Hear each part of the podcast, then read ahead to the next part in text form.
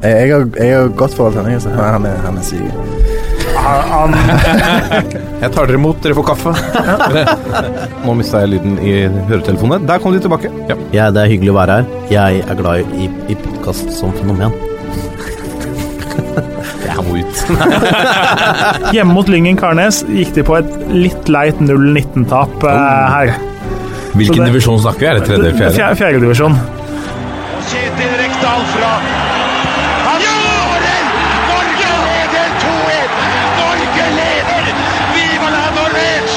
Og der er eh, toppfotball tilbake igjen, episode nummer 101. Starter vi ny tidsregning nå? Eh, om vi starter ny Altså, eh, veldig mange podkaster har jo eh, sånn sesong 1, sesong 2. Vi har på en måte bare én Jævlig lang en lang sesong. Når tar denne sesongen slutt? Aldri. Altså, dette er jo eh, på sett og vis vår tredje sesong, det er det vel? Ja. Det må vi kunne si. Tredje sesong og episode 101. Eh, og vi har fått oss en ny intro.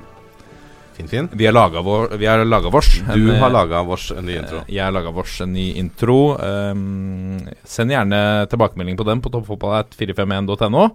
Hvis du elsker den eller hater den. Kan hende folk savner Helland som snakker om at det er ledig kryss og Ja, det kan være. Jeg har et par uh, hissige sitater uh, fra litt andre fotballfolk der òg. Ole Gunnar Solskjær blant annet. Som, uh, han er jo eh, veldig amper i intervjuer etter, uh, etter jeg har tapt. Så det kan jo være interessant. Kjør på det. Uansett, eh, velkommen, eh, Lasse Wangstein. Eh, hvordan er det? Er du litt hangover etter episode 100?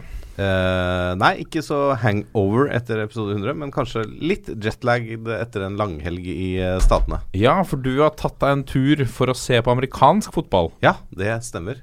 Chicago Bears. Ja, mot Kansas City Chiefs.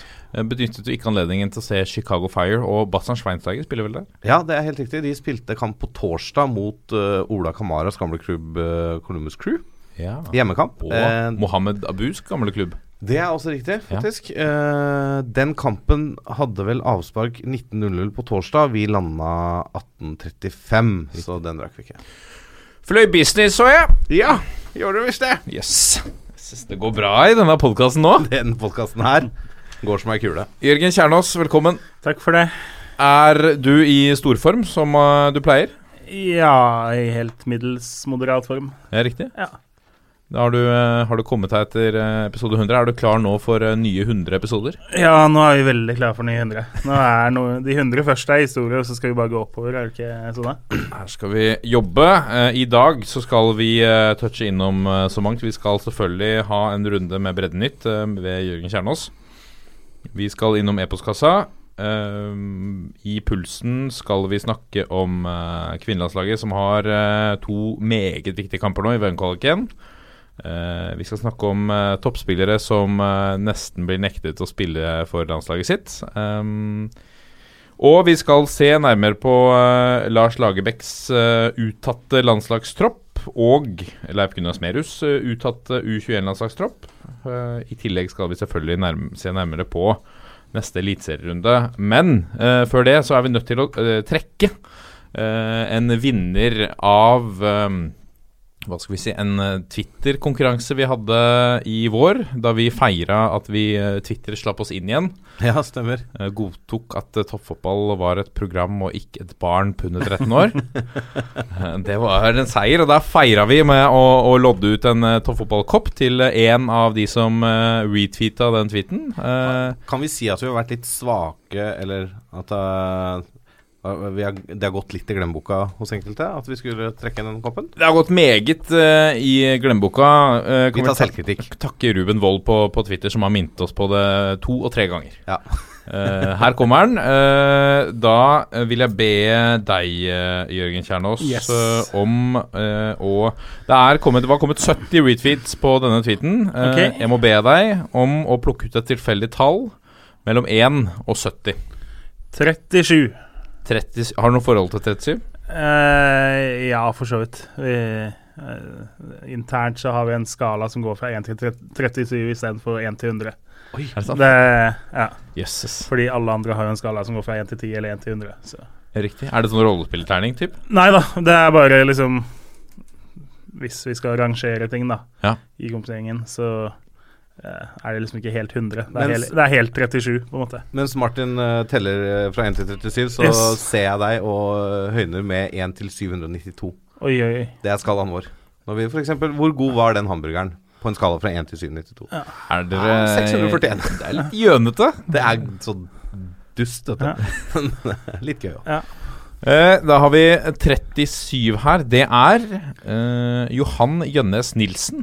Eh, altså Ja, en liten applaus. Veldig bra, Johan. Bra, Bra retweet. Bra retweet. Ja. han får en, en eh, kopp, da. Eh, han heter at Johan Nilsen på, på Twitter. Eh, han får en kopp med, med navnet sitt på, selvfølgelig, og denne toppfotball, dette toppfotballcoveret i, i front. Eh, kanskje skal få på litt flere konkurranser. Det er bra branding også, vet du. Det er fint med litt konkurranser. Det kan bli en snakkis rundt lunsjbordene i eh, kantina i de tusen bedrifter der hjemme. Ja. Skal vi gi ut en ekstra fremover, eller?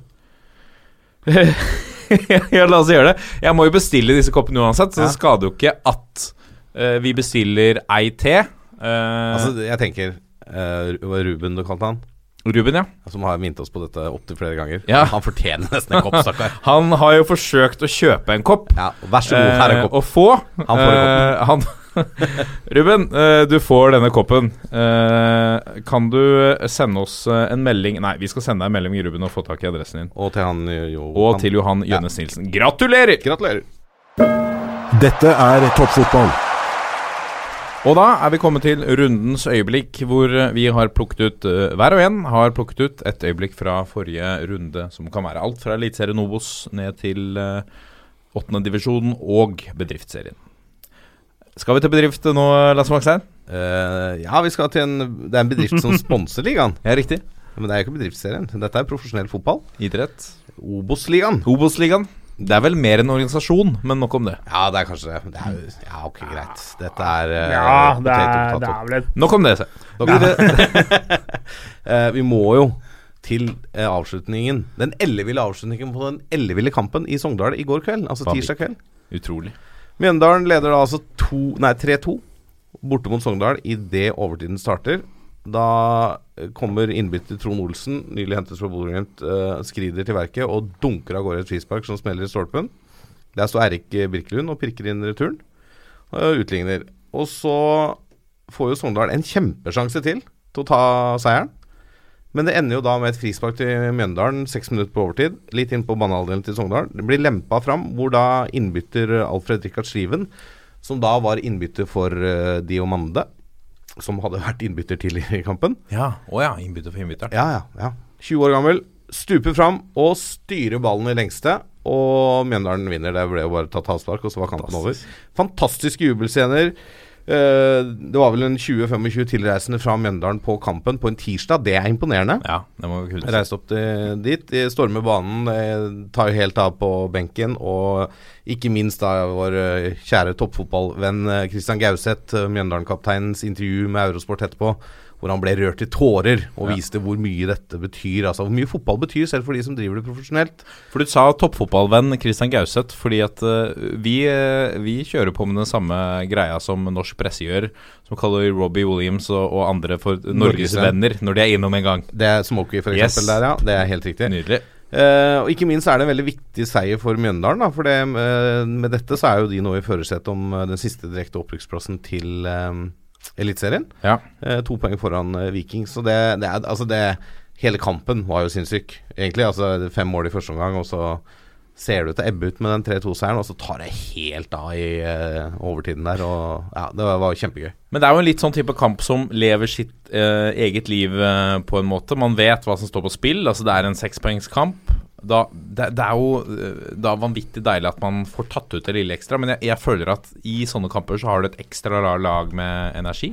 Ja, det kan nok være det, altså. øh, Og så er det jo Det er jo tilfeldigheter, det her, da. For altså, Sogndal kunne satt 4-3 der rett før Mjøndalen skårer. Og da hadde jo opprykkskampen skifta karakter igjen. Det forteller jo litt om marginer, ikke sant. Og jeg var vel øh, i en annen Om det var her han fortalte om det, eller eh, en annen podkast, men det er uh, som Gauseth sier, hadde ikke Jo, han sa det her. Hadde ikke Håkon Oppdal scora fra midtbanen, Ja. ikke sant, Uh, for start mot Vålerenga, så hadde Mjøndalen holdt plassen i Eliteserien det året de var oppe. Mm. Altså Det er så små marginer, og da er det klart den følte, Og tenk deg den bussturen hjem, da. Hvor mye lettere den er over fjellet der Mm. og ned Hallingdalen eh, enn, å, enn om de hadde rota det bort på slutten. Så Ja. ja, nydelig. Nydelige scener. Godt øyeblikk. Se på Obos-ligaen, altså. Det er gøy. Ja, det er det. Og godeste Schriven er vel henta fra nettopp Hallingdal uh, før sesongen nå, Ja. så han kan vel til og med peke ut og si at der bor jeg, eller Han der bodde kanskje jeg til lagkameratene. Hoppa litt tidlig. og Hils på familien. Ja, godt mulig. Jørgen Kjernås, hva har, du, hva har du til oss? Ja, nei, Du sa jo at nå kunne vi ha ned til bedriftsserien og, og slikt. Jeg har vært såpass obsternasi, egentlig. Freidig? Ja, egentlig litt freidig at jeg har valgt en annen sport enn fotball. Er det sant? Ja, men, men jeg har gått for fotsal. Ok. Så jeg føler at vi er Fins det noe fotballpod? Vi beveger oss vel innafor sidelinja, men akkurat ja. sleike krytter. Hårfint. Eh, Sandefjord ble jo seriemester. Eh, spiller nå Champions League eh, første steg. Det er da første gruppespill for å komme seg inn og møte på en måte de ordentlig store i Europa. Eh, de er i Østerrike og skal møte Der skal de møte vertslaget Mureksin Allstars. I tillegg så skal de møte det finske laget Kampoksen Dynamo. Det er jo et helt nydelig navn. Jeg føler at vi må finne ut mer om dem. I dag møtte de FC N-Kamp fra Andorra. Tenker jo at ja, Et lag fra Andorra, fotsal Andorra, det er kanskje ikke Hvem har de med seg? Jo da, de har henta ingen ringere enn Javier Saviola. What?! Er det sant? Yes.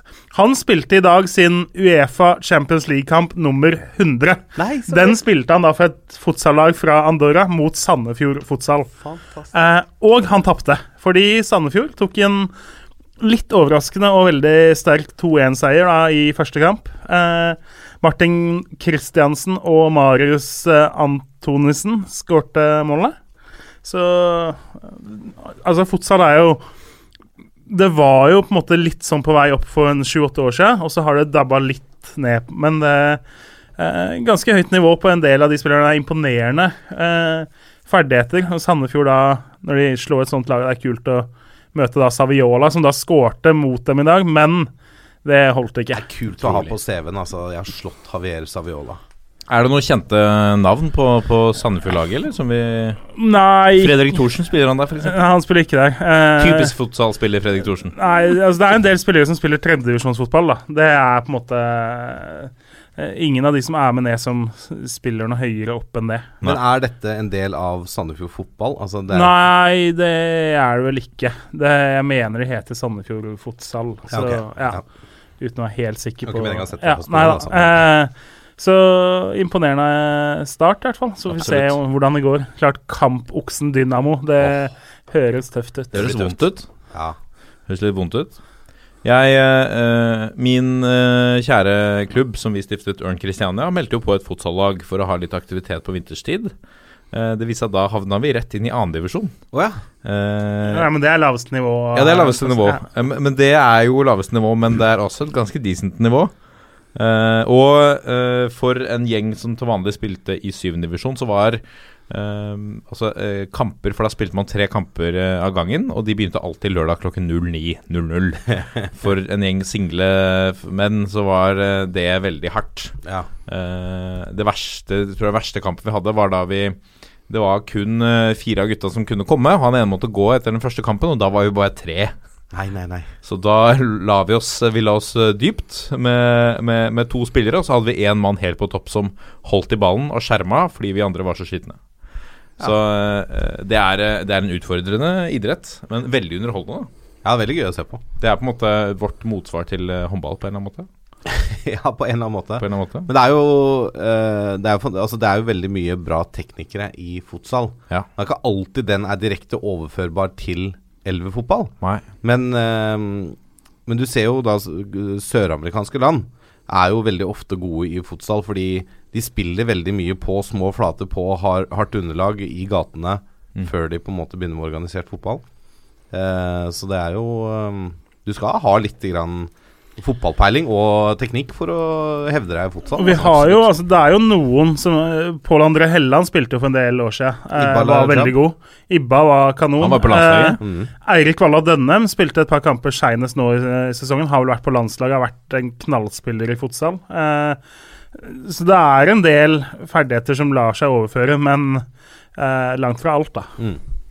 Ja, jeg skal ta mitt øyeblikk, og det er eh, kommer fra en spiller som jeg tidvis eh, Hva skal jeg si, ikke misliker, men jeg syns han er litt mye. Men, eh, og andre ganger så syns Jeg liker folk som er litt mye, som, som skriker og får med seg folk og, og, og, og hoier. Og det er eh, Flamur Kastrati som scora for eh, Kristiansund. Ja. Um, I byttekampen i Sarpsborg? yes. Ja. Um, fordi at eh, jeg, jeg føler at han fortjener det. Altså han, har, han har på en måte hatt en karriere med litt sånn motgang. Han var et kjempetalent kjempelenge. Uh, og der umiddelbart så tar han eh, ansvar, og, og eh, Christian Mikkelsen snakker, han, eh, snakker om han som, som denne hærføreren. Og han tar det til seg med en gang og skriker og hoier, husker jeg, i, i kampen mot Rosenborg. Og Da var, var det veldig gledelig å se at han fikk denne skåringen, og at han fikk denne seieren. Eh, og at han Kristiansund som har solgt to spisser, trenger virkelig at uh, Flamme Kastrati sj- slår til.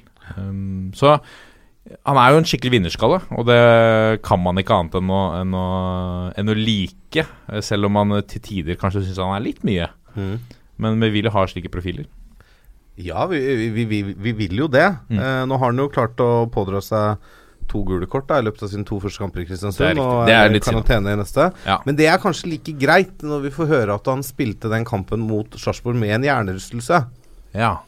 Eh, for da, da tenker jeg at, uh, at Men det- visste han om det? Ja, han Ja, visste ja, om det.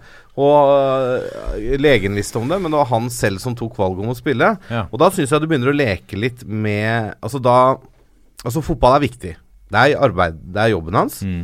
Men øh, det er helt greit å melde seg sjuk og uaktuell hvis du har en skade. Og jeg mener hodeskader skal du ta på alvor. Se på André Muri, som vi har hatt her før. Han måtte legge opp pga. gjentatte hodesmeller. Ja. Og s- har hatt eh, senvirkninger av det etter han la opp som fotballspiller. Mm. Vondt i hodet, sliter kanskje litt med fokus, ikke sant. Eh, Ja, masse sånne ting.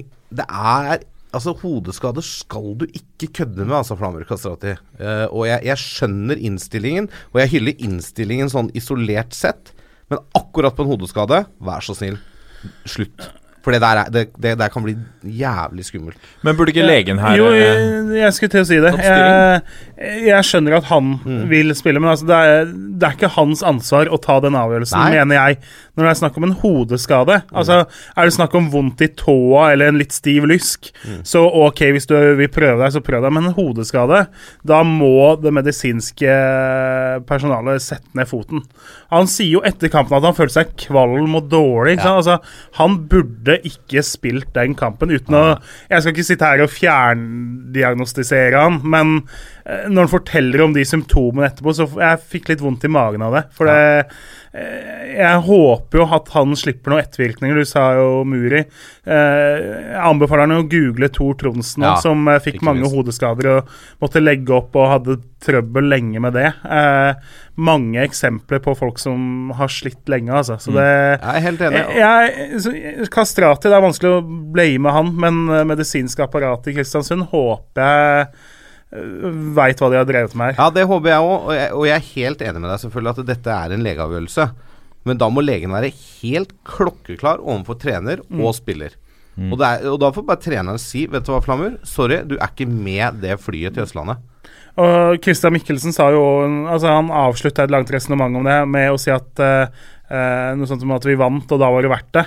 Nei, det er ikke det Nei. hvis han sliter med det huet i Ja, 10-15-20 år. Ja. Jeg skjønner jo at han ikke har tenkt lenge over den kommentaren, men det hørtes ikke Ja, kjempeheldig for det er jo, jeg tenker jo det at Når du overlater en sånn avgjørelse til Flamur Kastrati, da kjenner du ikke Flamur Kastrati. Nei, det er det, Han, ikke eh, altså, eh, uten sammenligning for øvrig, men si til Roy Keane eller Wayne Rooney at eh, du har en hjernerystelse. Mm. eh, vi vet ikke om det er lurt at du spiller, men du kan velge selv. Det at du beina på banen. Ja, selvfølgelig hadde det det. Altså Vinnerskaller som uh, Noen ganger så trenger de, trenger de at noen holder de litt tilbake. Du har han karantene nå, så er det en liten landslagspause. Sånn, det blir jo noen uker til neste kamp Ja. for han. Ja. Jeg håper han bruker den tida godt, og at han får rista seg den uh, hjernerystelsen. Men altså, jeg mener, er det noen som helst signaler på at han fortsatt uh, sliter med det til neste kamp han er aktuell, da skal ikke han spille. Og det, det ansvaret, som Jørgen sier, hviler på legen, og det må de ta på alvor, altså. Dette er toppfotball. Da er vi kommet til e-postkassa, og vi begynner med en melding fra Kristoffer Vighals Smedås, som skriver Hallo! Meget grom podkast. Tenkte bare å slenge inn et tips om en kar jeg tror det hadde vært gøy om dere fikk inn i studio. Det er ingen ringe enn selveste Jonas Uland Kolstad, evig andrekeeper i Bodø-Glimt. Og nå etter sigende keepertrener både i Bodø-Glimt og på gutter 18-landslaget.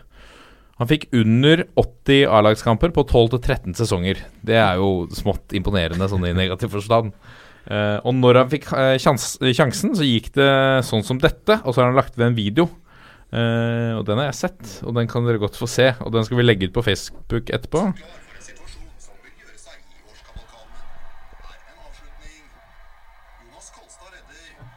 Og det er Bjarte Flem. Det, det er altså det nærmeste vi kommer Bjarte Flem.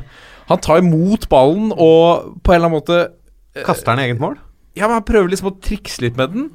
Eller et eller annet, jeg vet ikke. Han prøver å holde den fast, og så skjønner han at denne kommer jeg til å glippe. Så, han, eh, så det virker som han prøver å liksom Ok, jeg skjønner at jeg glipper den. Så jeg skal, dyt, jeg skal dytte den, til jeg skal dytte den videre. Men Så går den i ja. kasse. Vi skal legge ut, vi skal legge ut denne på Facebook. Og det her er jo en glemt hit, fordi dette skjedde jo samme dag som eh, Det var jo 2005, siste serierunde. Oh, ja. Eh, det var jo samme dag som Dagfinn Endelig brakk nakken, så all fokus etterpå var jo naturlig nok på det, og så litt på at Vålerenga vant serien. Eh, en keepertabbe i en ubetydelig kamp ble på en måte ikke vist. Hadde dette skjedd to uker før, så hadde det jo vært uh, Bjarte Flem eh, Men er versjon to.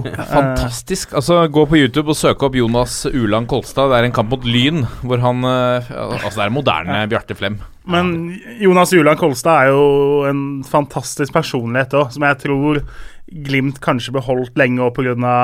Eh, kanskje mer pga. personlighet enn keeperferdigheter, da. Oh ja, litt sånn David Eh, May. og han er jo litt sånn eh, Jonas Julian Kolstad var bl.a. Eh, kjent for å ha vært statist i Hotell Cæsar. Eh, uvisst om Hadde da visstnok én replikk i løpet av de eh, episodene han var med, og den replikken ble jo da sunget av Glimt-supporterne de få gangene han sto i mål. Eh, sånn, via en pakke til en eller annen eh, av de hovedpersonene.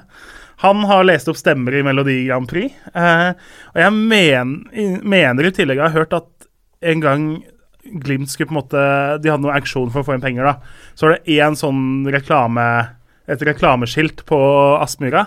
Jeg mener, og jeg har hørt, og jeg håper det her stemmer, at han la inn budet, eh, og da ville ha eh, noe sånt som 'Trener, bruk Jonas i mål', eller at det var et eller annet sånt det skulle stå på det reklameskiltet. Eh, så jeg håper og husker riktig at det var han som Å, eh. Uvisst om han vant, eller om det ble noe av, men eh, et eller annet sted bak i hjernebarken kom den historien opp. Dette er jo en kar Altså Hvis han er keepertrener på gutter 18, så er han vel også innimellom i, på, øst, på Østlandet. Så Hvis det du hører på mulig. Jonas, så Ta ta kontakt. kontakt, for vi vil gjerne ha deg i studio. Han har jo også stått i mål for Årvoll, så hvis du er legende fra før av, så blir du jo enda mer sant, selvfølgelig. Nydelig. Uh, vi har fått uh, flere henvendelser fra mm, folk i Haugesundsområdet som uh, arresterer din samboer, uh, Kone. Kone, til og med. Din kone, selvfølgelig. Yes. Eh, ja, det, jeg stolte jo blindt på henne når det gjaldt uttale fra hennes distrikt. Ja. Eh, hun responderte sånn cirka med Ja, men jeg sier jo at det, Jeg sier det jo sånn, jeg. Så ja. Ja, fordi Her var det snakk om uttalen av djerv. Er det ikke Djerv det som er? 1919, ja. Djerv, ja. Eh, som hun insisterte på at skulle uttales sånn som Grimstad-laget Jerv, uten det. Ja. Eh, det var ikke resten av Haugalandet enig i, kan vi vel si. Det, Det er kanskje sånn lokal familievariant? av det, jeg eller? tror det var veldig lokalt i akkurat uh, det Hennes huset. Ja, Ja. ja, Ris der, altså. ja. Eh, det er jo klubben til uh, bl.a. Uh, Martin Samuelsen, Per Kristian uh, Bråtveit og eh, Sigurd Haugen. Og så sa jeg at de vant Dana Cup, sa jeg i år. Det var jo da feil, for de vant Dana Cup gutter 19 i fjor, og så vant de G17 i Norway Cup i år. Ja, ikke Eh, så det var ikke så langt unna, da, men rett får være rett. Det begynner å bli noen år siden den klubben hevda seg veldig høyt i norsk eh, toppfotball.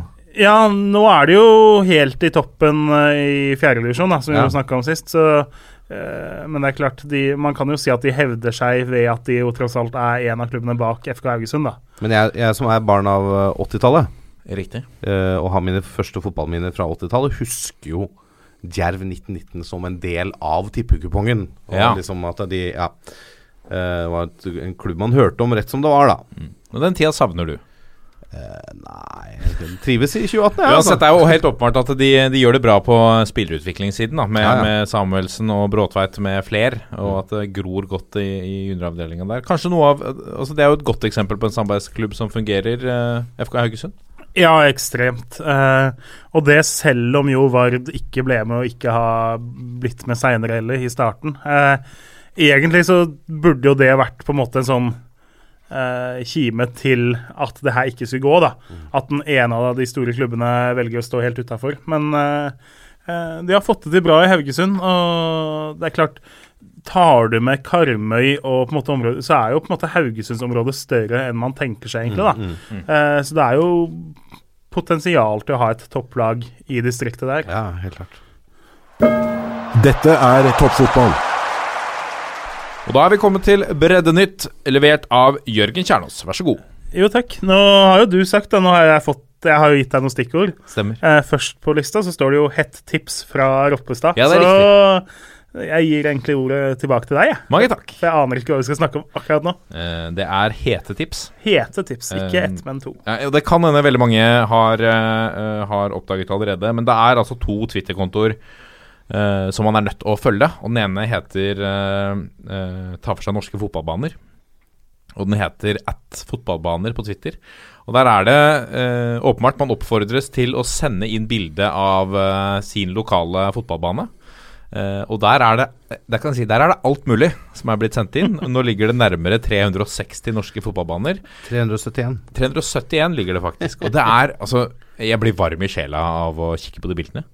Eh, det er liksom eh, skikkelig, eh, skikkelig grasrot, de fleste av de. Og det, det viser at norsk fotball er enda mer enn en, enn Lerkendal og Intility, og her får du se det på sitt beste. Og så er det Så jeg at de anbefalte mitt andre hete tips, og det er en enda særere konto. Det er norske fotballer. At norske fotballer. Der kan du også sende inn bilde av din fotball, så blir den lagt ut der på norske fotballer. Legg gjerne med hvilken klubb du tilhører, tilhører og sånne ting, så det får krydra det litt. Eh, det var det jeg hadde Ja, nydelig. ja, fra min side. Ja. eh, jeg har jo lista opp noen punkter til deg. Eh, første. Da skal vi snakke om Bjørn Henning Orekåsa. Ok. Eh, han pådro seg uh, nylig to brudd i foten uh, i kamp mot Skarphedin. Uh, grunnen til at vi skal snakke om det her, er jo at han har pådratt seg en alvorlig skade. Eh, jeg er litt usikker på om forsikringsselskapet betaler ut alt til han, med tanke på at han jo tross alt spiller for skade. Altså, ska, skade IL er jo Skade skade, IL? skade IL. Uh, og har da pådratt seg jeg, jeg kjenner jo at Hadde jeg jobba i If, eller hva disse heter, Ja. Skriver fyren at 'ble skadet i kamp for skade'. Du har jo litt lyst til å trekke litt av på en måte Det må jo skape masse rot i alle rapporter. Og Ja, ja. Det er så en alvorlig skade for skade. Vi så den komme. Det kan vi vel si. Skade IL, altså. Ja, men for, altså, Vi skal jo ikke vitse for mye med beinbrudd, men eh, så god bedring, selvsagt. Men ja, spiller du for skade, så Ber om det. Kanskje Ja. han burde bytte klubb til Frisk Asker, da. Oi! Hei! Mm. Videre. Eh, vi snakka om Vannsjø Svindal sist eh, uke. De skårte jo sitt første mål for sesongen i høstsesongens første kamp. Ja. Og det ser jo ut som de har fått ordentlig fyr på sakene, fordi etter at vi spilte inn da, møtte de Rygge 2 og spilte 2-2. Oi, Så ikke bare har de skåra, de har tatt poeng! Og så må du rygge to, da, Eh, gitt. Ja, da, mot Rygge 2. Da får du bare hjelpe på at det er fire mann som står med drakt nummer én i kamprapporten. og litt sånn, Det er klart tar du poeng. Så motstanderen, der står alle oppført med drakt nummer én, altså uten draktnummer. Så Men vi tar litt av æren for det her, vi. Var løfta dette Ja, Ja, ja, ja. bitte litt. Nå får de litt- Svevd på en medvind Ja, siden forrige uke. litt oppmerksomhet liksom i en podkast, og så plutselig skal du gå an og bli så freidig Der at du har tar mange poeng. klubber når det er Altså, med en gang det blir litt oppmerksomhet og litt medietrykk rundt deg, så løfter du deg istedenfor å senke deg. Ja, Sikter du til en spesiell klubb? Nei, nei, nei, overhodet ikke. Uh, ja, Fordi nei, denne podkasten handler ikke bare om Vålerenga, gjør den Nei, vel? nei. Nei, jeg sikter ikke til det i det hele tatt. Nei, ikke. 70-80% eller Nei uh, hvis vi skal holde oss i Østfolds uh, breddefotball. uh, vi skal helt opp til sjette divisjon denne gangen, da. Eh, da skal vi til Mysen Heal, som er da et sammenslåingslag. Eh, Håkon Jacobsen på 17 år. Han har vært slått ut med kyssesyke og lungebetennelse og ikke spilt så mye i år. Oi. Eh, så var han med da forrige match eh, borte mot Rygge. Det var vel da sannsynligvis Rygge 2. Eh, første kamp for sesongen, eller på lenge, da. Uh, Tapte 1-4, og han lagde to straffespark som midtstopper. Oh, uh. Så liksom ikke helt uh, god stemning. Uh, neste kamp, da fant vi ut at Håkon 17 skal for første gang i sin seniorkarriere få spille spiss. Håkon 17 svarer med å score i første omgang. Ikke ett, ikke to, ikke tre, ikke fire, men fem mål i løpet av første omgang mot Varteig. Så det, han går fra å være midtstopper og syndebukk til å skåre fem mål på en omgang som spiss uka etter. Det, selv om det er sjettedivisjon, altså fem mål av en 17-åring på én omgang, det er Ja, ja. ikke veldig ofte du hører om. Så Det er imponerende, og det må jo være ganske deilig da, når du har følt deg som du kommer tilbake fra skade, lager litt straffer, er litt klønete, Uh, og så bare er du helt Supermann uka etter. Det, Kan vi følge med på åssen det går med han, eller om han uh, skårer litt for det? ja, jeg tenker jo vi må følge med på det. Han uh, skårte jo null i annen gang, så det kan jo hende det har vært tidenes formtopp eh, han hadde der en halvtimes tid, men ja. Og nå får han dette mediepresset, og da går det enda bedre. Det- ja. det Det er spennende å se hvordan han følger opp det her. Nydelig. Ja, fin Eh, sak. Ja, den var hyggelig. Eh, annen imponerende sak er Frigg, som nå vant 4-0 mot Harstad sist.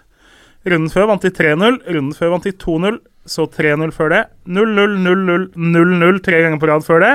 Eh, og så tapte de 0-1 for Lyn. Så det vil si at hvis jeg nå regna sammen i full fart, sånn i stad, så har de eh, spilt 707 minutter pluss overtidsminutter, da, uten å slippe inn mål. Eh, og da snakker vi om tredjedivisjon, altså, mot eh, en del anstendige lag. De har møtt da Korsvoll, Finnsnes, Senja, Stålkamp, Skarp, Skjervøy, Harstad. Det eh, Vi hadde jo Fredrik Tervaniemi i Elverum, som jo gikk en hel drøss med kamper for to år siden. Han gikk vel 10-11 kamper uten å slippe inn. Eh, nå er jo da keeper Evensen i Frigg i ferd med å ta opp den tråden igjen, da. Ja. Så absolutt en anstendig variant. Og nå har de Melbo borte, en kamp hvor de er favoritter. Så møter de topplaget Fløya hjemme, og så et annet topplag i Junkeren borte. Eh, skal litt til for å holde nullen der òg, men På Junkeren har eh, Det var de som hadde en storskjær? det var de som vant 14-0 tidlig i sesongen. Og, sånt, så, og Fløya er jo et godt lag. Så, men 707 minutter, det er jo mer enn de fleste keepere klarer i løpet av en karriere. Anstendig. Meget anstendig. Ja, det må vi kunne si. Uh, hadde du noe mer Ja, jeg kampen? Jeg hadde ett lite. Da har jo I fjor så ble det jo Eller i vår så ble det jo nedstemt uh, noe forslag om å endre på fjerdedivisjon. Fordi, som vi også har snakka om, fire ned, lag ned fra hver tredjedivisjonsavdeling er for mye. Så kom det opp to forslag, ett om kvalik og ett om å gå fra 24 til 18 avdelinger i fjerdedivisjon. Eh, nå har et utvalg brukt da et halvt år på å skulle se på det her, og de har kommet opp med nesten nøyaktig de to forslagene som ble nedstemt for et halvt år siden. eh, hvor da Det ene er at det blir 24 avdelinger fortsatt i fjerdedivisjon, sånn som nå. Bare at vi spiller kvalik, og kun 18 av de 24 vinnerne får lov til å rykke opp.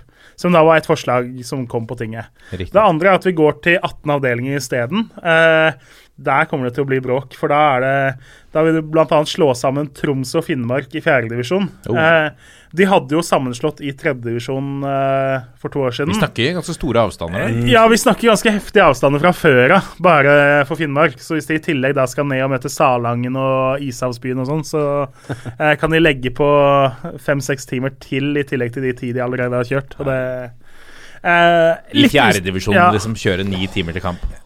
Ja, og så litt sånn kronglete eh, varianter mange andre steder òg. Så Sunnmøre annet var ikke så begeistra for å måtte til Nordmøre. Der får du også fem timer hver vei, i verste fall på en del av turene. Eh, eh, Oppland, Buske, nei, Oppland og Hedmark skal bare ha én avdeling istedenfor to, f.eks. Det eh, var litt sånn eh, halvhjerta forslag, syns jeg, da. Eh, så det blir interessant å se. Det her kommer jo til å bli tatt opp på ting igjen i, i februar-mars. Det Jeg har ikke helt datoen. Det pleier å være første helga i mars. Men hvis Eh, det blir slått gjennom da i tinget i februar-mars, blir det da gjeldende fra sesongstart? Nei, det får du ikke til da, Nei. vel. Det er Mindre endringer får du til, men du kan ikke gå til 18 avdelinger. på en måte. Da må du ha et år imellom. Jeg er litt usikker på hvordan det er hvis det blir kvalik, om de kan bestemme seg for å innføre det. Det er vel enklere Mm. å innføre fra 2019 i så fall. Nå kommer pulsen. Og da er vi kommet til pulsen, og vi begynner pulsen med landslaget for kvinner som skal ut i to meget viktige kamper i VM-kvaliken. Vi eh, har spilt eh, seks kamper. Eh, Nederland og Irland har spilt syv. Eh, og sammen også har Nord-Irland og Slovakia spilt seks. Og for de som ikke har oversikten Når Nederland leder denne gruppa med 19 poeng eh, og 21 eh, pluss eh, mål. Og eh, Norge ligger rett bak med én kamp mindre spilt, med 15. Deretter følger Irland med 10, og Nord-Irland eh, med 3, og Slovakia helt i bunn med 0 og minus 16 i målforskjell. Nå på fredag så er det bortekamp mot eh, Slovakia. Den bør vi vinne. Ja, Altså, altså nivåforskjellen har blitt mindre til en god del lag i damefotball, men Slovakia, som da ligger på bunn med null poeng, eh, ned til sånne lag skiller det fortsatt såpass mye at alt annet enn en klar seier der, det ville vært eh, utrolig. Og den, den seieren må Norge ta hvis de skal ha, ha håp om eh, VM-spill. For det, Ja. det er jo en sånn toerkvalik her. Hvor det er den beste, de fire beste toerne. Ja, og nå ligger jo Norge på fjerdeplass på den tabellen, da. Den, Tabellen over toeren, altså. Toertabellen med 15 poeng. England leder og har 16 poeng. Eh, og lagene over har litt bedre måleforskjell. Den kan jo Norge gjøre noe med nå. Eh, men da jeg tenker Hvis Norge slår Slovakia, så stiller de seg i et, eh, en veldig god posisjon for å ta den, eh, den kvaliken, i hvert fall. Ja, og da, da får du jo en ren sånn gruppefinale når Nederland kommer hit på, på tirsdag, er det vel? ja, tirsdag 4.9. på um, Intility Arena, Og det er regjerende europamester Nederland Ja. vi får på besøk. som da vel Norge tapte mot. Tapte 1-0 i, i Nederland. Mm. Eh, meget bittert. Vi brant et straffespark. Og eh, målet til Nederland kommer jo på en eh, Hva skal vi si hasardiøs uh, feilpasning. Ja, altså Nederland er bra. Ja. uh, så på særlig må Men de er ikke Altså, vi, Altså, vi, vi kan slå dem på hjemmebane, og gjør vi det, så er vi jo Da er vi gruppevinnere. Ja. Så, Jeg måtte jo sjekke, jeg så altså Slovakia tapte jo faktisk bare 1-0 borte mot Nederland i sin forrige kamp rett før ferien. Ja, det ser du. Eh, I høst så hadde jo Da slo jo vi dem 6-1, og så slo Nederland dem 5-0. Nå tapte de 2-1 for Irland og da 1-0 for Nederland, så eh, kan hende vi må spise i oss ordene om at det er helt walkover. Men, Ja. men den- seier bør det jo bli, åpenbart. Ja, den toertabellen her med Det er eh, England på topp, som du sa, Lasse, med, med 16 eh, Altså innbyrdes eh, mellom disse toerne, hvem som eh, er de fire beste. Og så følger det Følger det jo tre lag med, med 15 poeng. Fire lag med 15 lag med poeng. 15. Mhm. Så det, det tyder også på at det har blitt jevnt. Altså, eh, lagene sanker mye poeng eh, her i, i gruppa. ja, topplagene er gode. Ja. Eh, og det er ikke Altså Før så var det jo sånn at Norge kvalifiserte seg. Det var, det var bankers, liksom. Nesten selvfølge. Nesten selvfølge. Det er ikke det lenger, altså. Det, det skal jobbes for poengene her. Ja, absolutt. Og så må vi ta med denne saken. Da. Nå har eh, Kristine Leine eh, fått eh, slutte seg til landslagstroppen eh, likevel og får bli med til, eh, til Slovakia. eh, fordi hun går jo sykepleierstudiet, eh, og der eh, eh, var det sånn at eh, skolen eh, viste til nasjonale regler om 90% tilstedeværelse, da de begrunna hvorfor hun ikke kunne få fri. De nekta henne altså å reise og spille kamp for landslaget. Ja. basert på dette med, med, med praksis i, i sykepleierstudiet, som er jo en, en viktig sak, selvfølgelig. Og det er jo en, en del yrker som krever praksis som en del av utdanningen. Men, men hvor rigid skal det være, da? Man kan nekte en, en landslagsspiller eh, eh, en deltakelse på en landslagssamling. Bør man ikke kunne legge til rette for dette? Har vi hørt om noe lignende tilfelle før? Ja, faktisk. eh, På herresiden så har jeg et sånt forholdsvis nytt eksempel. Jeg er jo tidligere New York Cosmos-spiller og starttalent Mats Stokkelin, Ja. som tok tannlegeutdannelse. Der var det vel snakk om at uh, når han begynte å liksom telle litt på knappene uh, på karrieren om det, det var også basert på om han kunne ta flere friår fra det tannlegestudiet han hadde kommet inn på. Ja. Eh, fordi han måtte komme i gang med studiene og praksis og sånne ting for å kunne utdanne seg som tannlege. Mm. Uh, så det, det, vi har jo vært borti lignende tilfeller. Men da hadde han ikke bydd studiet ennå. Ja, jeg lurer på om han hadde begynt, skjønner du. Ok. Men det var et eller annet med å miste plassen og sånn. Skjønner. Astrid Urenholt Jacobsen, eh, langrennsløperen, eh, utdanner seg vel til lege, tror jeg. Der også har det vært snakk om noe sånn hvor lenge kan hun holde på med karrieren før hun må ut i praksis for Ja. å kunne utføre yrket sitt. Ja. Jeg, er, jeg, jeg får inntrykk her at det er snakk om eh, Altså, det er snakk om prosenter. Så, så det virker jo som hun er mye til stede i denne praksisen. Hun sa vel noe om at hun eh, tidligere år, for nå er hun vel på siste året, sånn jeg skjønte det, av fire, så har hun på en måte klart å legge opp en plan og liksom fått litt velvilje til å flytte på litt ting og justere litt sånn ut fra andre ting som hun har gjort med klubblag og sånn, da. Mm. så er vel litt casen her nå at hun har på en måte ikke tatt i eh, høyde for at hun skulle bli tatt opp på landslaget. Eh, så hun har på en måte planlagt ut fra klubbhverdag, men ikke landslagshverdag. Eh, jeg har jo et eksempel. Jeg gikk jo i klasse med ei som spilte i Eliteserien i håndball på lærerstudiet. Hun var på sånn obligatorisk ut og sove i telt to netter. Hun skulle spille eliteseriekamp, og hun fikk lov da til å dra, spille kamp, komme tilbake. Og sove i telt. Ja, og sove eh, i telt. Så Det er noe helt annet.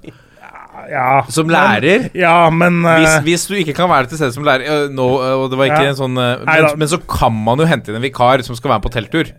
Jo da, men eh, jeg skjønner hva du mener. Men jeg har også eksempel på noen som har spilt førstedivisjon, Ja. tatt samme utdanning og ikke fått fri fordi førstedivisjon håndball var ikke viktig nok Nei. til eh, jeg, skolevurdering, nei. Men jeg, jeg er enig i at det er ikke Men det er jo ikke for å undergrave øh, altså, medisinstudiet her. Fordi, Nei, at det, fordi at det er jo åpenbart at man er jo nødt til å sørge for at de man utdanner, blir godt nok trent Men- til men å gjøre det de skal. jo, jo, selvfølgelig, det er jeg helt enig i, men jeg syns jo at man i et eh, samfunn da eh, bør kunne prøve å legge rette til, til rette for at eh, idrettsutøvere også skal ta en utdannelse. For det er nok av eksempler på kanskje spesielt herrefotballspillere som når de er ferdig med karrieren i en alder av 35, så står de på helt bar bakke.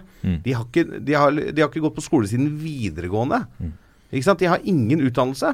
Og så har du eksempler på spillere som tar utdannelse, men de kanskje tar den over litt flere år enn sine medstudenter, fordi at de må tilpasse reising og kamper og alle sånne ting.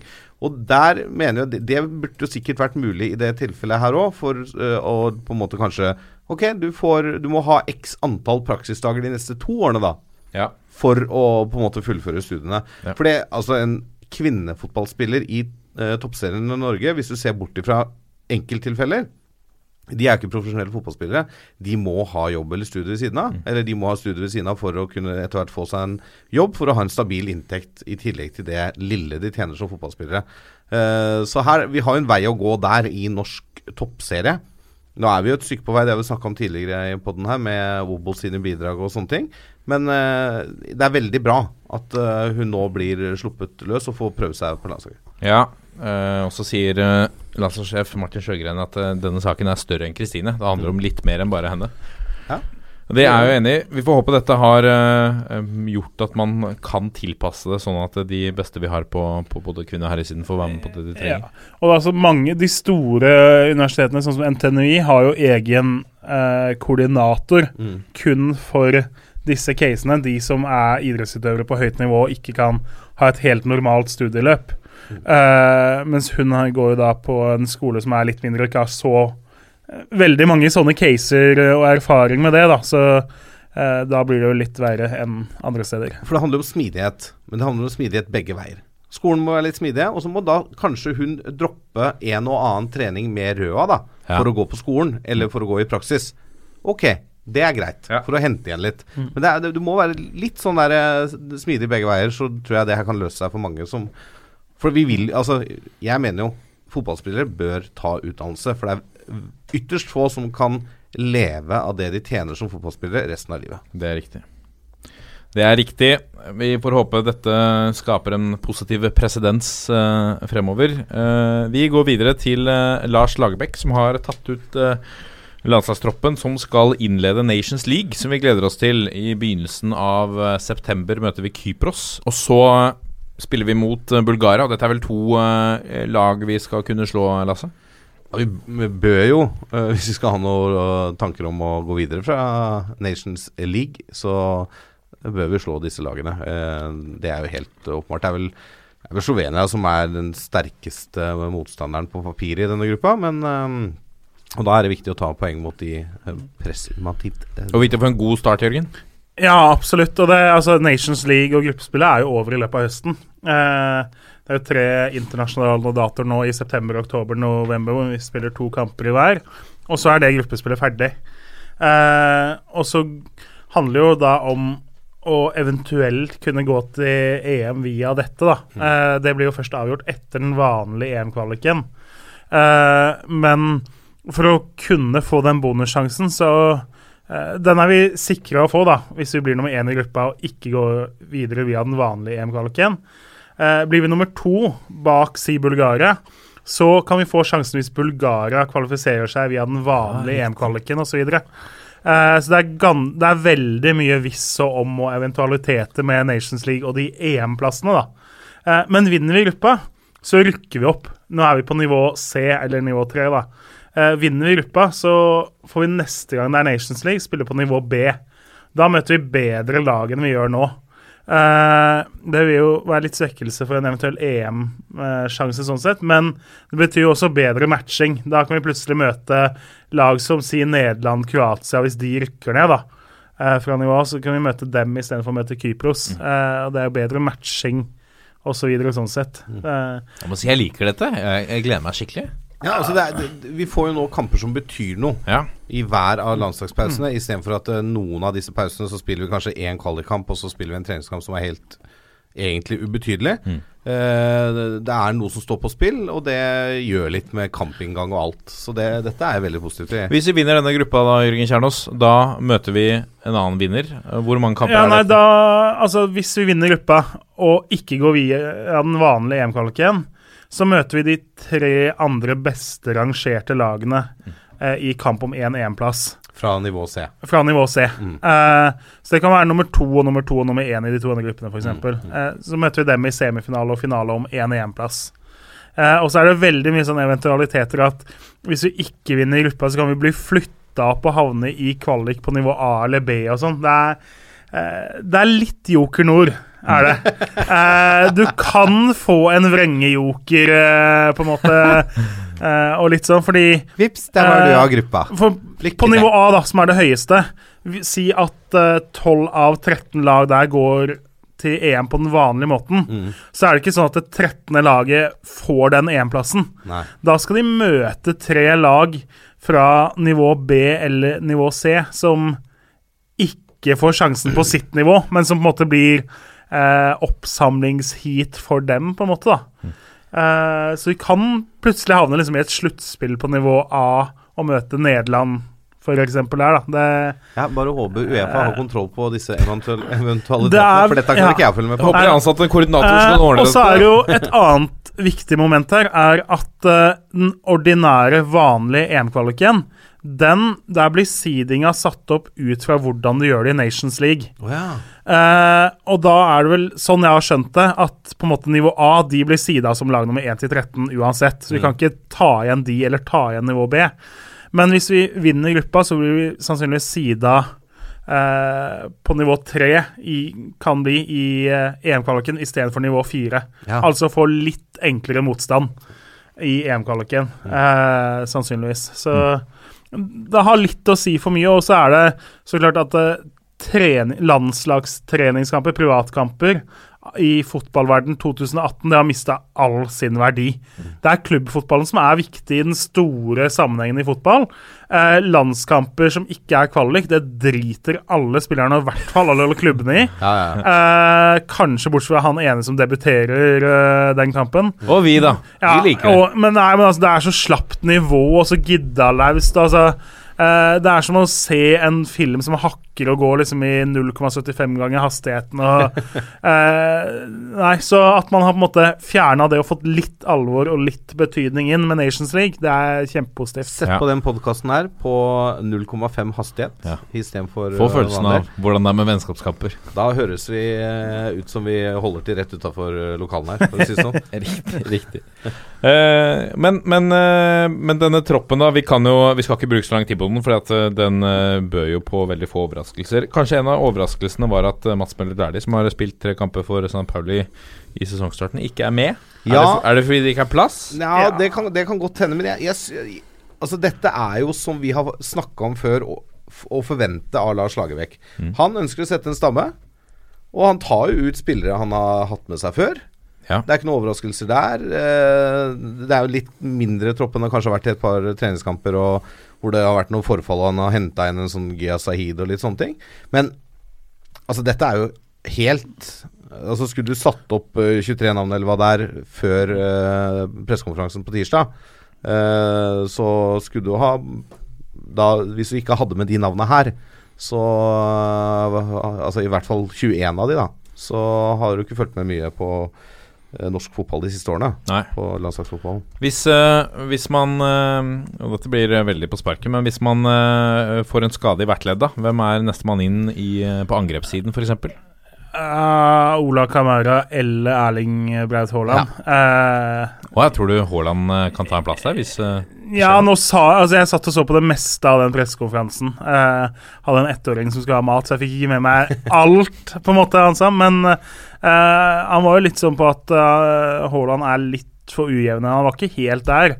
Så jeg tror nok Kamara hadde blitt tatt ut hvis en av de andre meldte forfall nå. Ja. Men kan jeg Altså, det var en Nå husker jeg ikke hvilket sted det var, men det var en eller annen avis eller nettavis som hadde da bilde av Braut Haaland med overskriften Ja, VG. Vraket VG, ja. Kan være så snill. Han har, han har ikke vært på U21-landslaget engang. Han har ikke vært på A-landslaget. Da går det ikke an å bli vraka. Da er du ikke tatt ut. Nei. Altså Hadde han vært i forrige tropp og spilt kamp, og så vært ute, da er du vraka. Det er litt sånn er ikke litt sånn som da Panserhagen meldte at han eh, ikke ville spille på landslaget mer og ikke hadde vært i de siste åtte troppene eller et eller annet. Ja. Det, det er litt sånn som Da annonserer jeg her og nå jeg gir meg på landslaget. Det, dessverre. Men, Men- men, men- men, hvis Lars, til- hvis du ringer, så, så kan jeg ombestemme meg. Ja, eh, hvis uh, Sander uh, Gard Bolin eh, Berge eh, må melde avbud, da, hvem er det som kommer inn der? Ja, da kan det jo fort hende at eh, Mats Møller er det kommer inn, da. Mm. For da kan du flytte Altså, de, de har jo gjerne brukt eh, kaptein eh, Stefan Johansen litt ut på kant. Går det an å flytte han inn sentralt, og så få en ekstra kantspiller inn? Så det er noen sånne muligheter du, du kan gjøre der, da. Så jeg vil vel tro han, Jeg vil vel tro at eh, Mats Møller Dæhlie er nestemann Eller i hvert fall én av de neste på lista, Ja. hvis Altså, det skjer noe offensivt. Hvis man skal si noe på hva den troppen her mangler, så er det jo spillere som har kantposisjon som sin naturlige plass. Eh, han, sa jo nesten på pressekonferansen at Moi og Ødegaard er de to han tenker på der nå. Og så blir det jo sånne løsninger som vi har sett med Fossum eller Stefan Johansen dytta ut på kant, eller flytte opp Martin Linnes fra backplass. Så hvis troppen skulle hatt med én mann til, så hadde det nok fort vært en kantspiller. Og da er det ikke unaturlig å tenke at Dæhlie hadde vært den kantspilleren. Nei, Selv om Gustav Vikheim hadde vært interessant å se. ikke sant? Det er et godt poeng. Noen som savner Simen Juklerød her, eller? Nei. Eh, jo, Simen Juklerød savner Simen Juklerød. Ja. Ja, det, ja.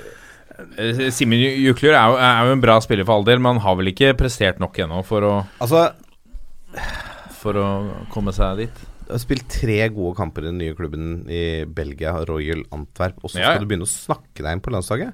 Det, er- det syns jeg er Altså, jeg liker folk som er offensive og liksom litt framme i skoa, altså. Mm. Men uh, du må jo ha et, et visst snev av selvinnsikt òg. han spilte jo ikke veldig mye uh, i Oslo på slutten. Uh, verken bekk eller kant. Um, og jeg vet ikke åssen nivået er på Royal Antwerp. Er ikke det Er det øverste belgiske? Det er øverste belgiske. Ja. Han, han gjør jo Belgiske serien er bra, den. Jo da, men, men allikevel. Altså, det er litt sånn som jeg hører fotballtrenere. Det begynner å liksom Ja, jeg syns nå må han, spilleren min, på landslaget, og nå er det på tide at uh, den landslagstreneren kommer og ser på han, og han er fantastisk og sånn. Mm. Altså, det trenger ikke å selge inn egne spillere på landslaget. Jeg syns det er Jeg, synes det, jeg, jeg er helt uenig. Ja, ok. Jeg syns det er, eh, jeg synes det er med friskt. Jeg syns det er moro. Men det skal Det er sies, friskt, da. Men, men, eh, men gjør det med stil. Da. Gjør, det, gjør det når det er reelt. Altså Nå har vi ikke sett Simen Juklerød, men, men det er jo klart du er nødt til å prestere litt mer over tid. Altså Han var jo ikke i landslagskorpa i Vålinga så du må gi det litt mer tid før du liksom skyter fra hofta her. Men, men jeg mener at f.eks. hvis Markus Pedersen nå fortsetter å levere, så mener jeg han er en sånn type som bare Eh, Så tror jeg ikke han gjør det, for jeg tror han, han har fått beskjed om at det ikke lønner seg. Men når han sier at 'Lars, nå må du komme og se, nå er jeg i form', Jeg, jeg liker det litt. Ja, ja, det, jo, men da har du prestert over tid, da. Her snakker Ja. vi om tre kamper. Altså Hvis Simen Juklerød kommer i mai og er kåra til årets venstreback i belgisk liga og årets spiller i Royal Antwerp, da kan du komme og Kanskje landslagsdelen skal komme og titte litt på. Han har spilt tre kamper og hatt én sinnssyk assist. Ja, det- Og skaffa en straffe. ja, det det er, det, det, jeg syns det er litt tynt grunnlag å bli landslagsspiller på, da. Og så er jo da f.eks.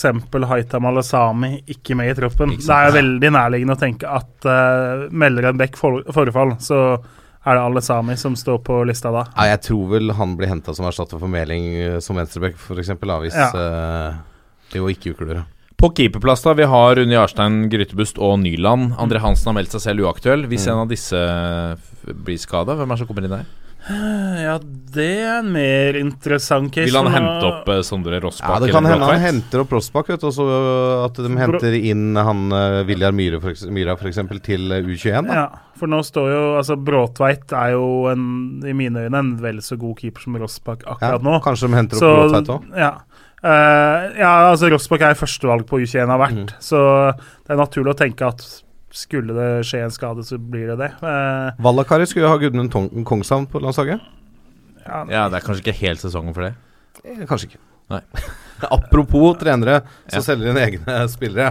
Ja, det må ikke gå inflasjon i det. Ja, men Det er Nei, det de gjør, Ja. og det er poenget mitt. Ja, riktig. ja, nei, akkurat på, keep- right. ja, på keeperplass er det vanskelig på en måte å uh, se de åpenbare, som ikke da er blant de på U21. Det er jo eh, altså Ser du på laga i Eliteserien, Even Barli er jo da, i tillegg til Kongshavn, uh, omtrent eneste som har norsk pass, og som uh, er førstekeeper, og som ikke er på landslagene allerede. Ja. Eh, så da sier det seg selv at Barli og Kongshavn er ikke helt på landslagsnivå. Det er de ikke. Det er de ikke. La oss smyge oss videre da til U21-landslagstroppen, fordi der er det jo et par som har gjort opprykk, bl.a. Uh, Erling nevnte Erling Braut Haaland er og Hugo Vetlesen. Ja, det er hele fem mann som er eh, fra den uh, troppen som uh, tok femteplass i U19-EM, og som da skal spille U20-VM neste år. Eh, så det vil si at hvis de nå skulle kvalifisere seg, så har jo de jeg å si, i beste fall to mesterskap neste sommer, da. Mm. Eh, for det er jo også Leo Østigård og Nico Mikkelsson eh, er med der i tillegg. Uh, Riktig. Hvordan løser de det, da? Kan de spille to mesterskap på en sommer? ja, det er jo tight. men, eh, Det er vel altså det U20 er vel ganske tidlig, er det ikke det? Jeg mener det er i mai. Uh, starter sånn rett etter 17. mai. Og uh, U21-mesterskapet er vel på seinsommeren i juli-august. Så jeg tror ikke det er veldig mange som skal ha den belastninga som Men nei. Jeg, jeg er litt overraska òg over at de henter opp fem mann. Eh, når det på en måte er Jeg kan skjønne på at man mener at spillere som Vetlesen og Østigård eh, f.eks. er store talenter og på en måte kommer til å nå lengre enn mange av de som er ett eller to år eldre. Men man har også da vraka spillere som kanskje nå er vel så gode, da. Som en del av de fem her. Men la oss eh, se litt på disse, disse nye bekjentskapene, da. Eller eh, mange av disse kjenner vi jo veldig godt fra før. Eh, Hugo Vettelsen f.eks. har vel over 60 kamper for Stabæk i Eliteserien. han har jo sagt nei til klubber som har bydd både 10 og 15 millioner for han siste året. Så eh, det er klart det er en juvel både alle som følger norsk fotball, bør kjenne til, og som alle storklubbene og de middelstore klubbene i Europa kjenner til også. Men er han fysisk eh, sterk nok for dette nivået nå? Han har, han har runda 18. Ja, altså er du fysisk eh, stor nok for Eliteserien, så er du jo fysisk stor nok for å spille en U21-kamp i Aserbajdsjan. Uh, han er fotballklok som fy og gjør mye riktig valg med ball. Og så er det så klart at For at han skal ta neste steget, så må han jo utvikle det fysisk og så videre og bli mer målfarlig og sånne ting. Det jeg har ikke noe bekymringer for at han ikke skal klare seg på et U21-nivå.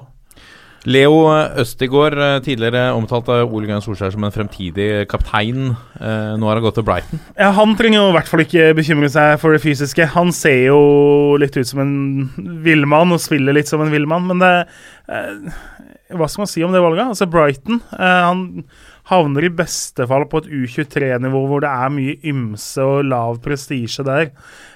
Lars Lagerbäck fikk jo spørsmål om det her og svarte jo sånn diplomatisk som du må gjøre som landslagstrener, at for noen så er det det riktige å gå, men var også veldig opptatt av det her med kampnivå, som jo er kjempeviktig. Eh, som jo også har vært i Martin Ødegaard-diskusjonen. At én ting er å få trene med verdensstjerne, men skal du utvikle deg, så må du faktisk spille kamper som betyr noe. Eh, så Østigård kan ikke vimse rundt på noe U23-nivå for Brighton eh, veldig lenge, da. Eh, Da må han heller komme seg på noe utlån og spille på nivå tre eller et eller annet i England for å ta steget videre. Ja. Uh, ja, Uh, men at det er en midtstopper som har potensial til å bli en stoppekjempe ved siden av Ayer de neste 12-13 årene, det er det ikke noe tvil om. Men lukter det ikke litt her at han nå tar høsten på U23-landslaget til Brighton? Så kommer vi til neste vår, og så henter Molde han på lån. Ikke utenkelig, det. Vi får, vi får ikke håpe det. Nei, jeg men- håper jo på en måte at når den har eh, tatt det aktive valget vekk, så altså Det er jo ikke optimalt heller å drive med en sånn låneperiode men uh, i tide og utide. Men han må i hvert fall Har han bestemt seg for å komme seg vekk, da, så kan han ikke dra på lån tilbake til Norge.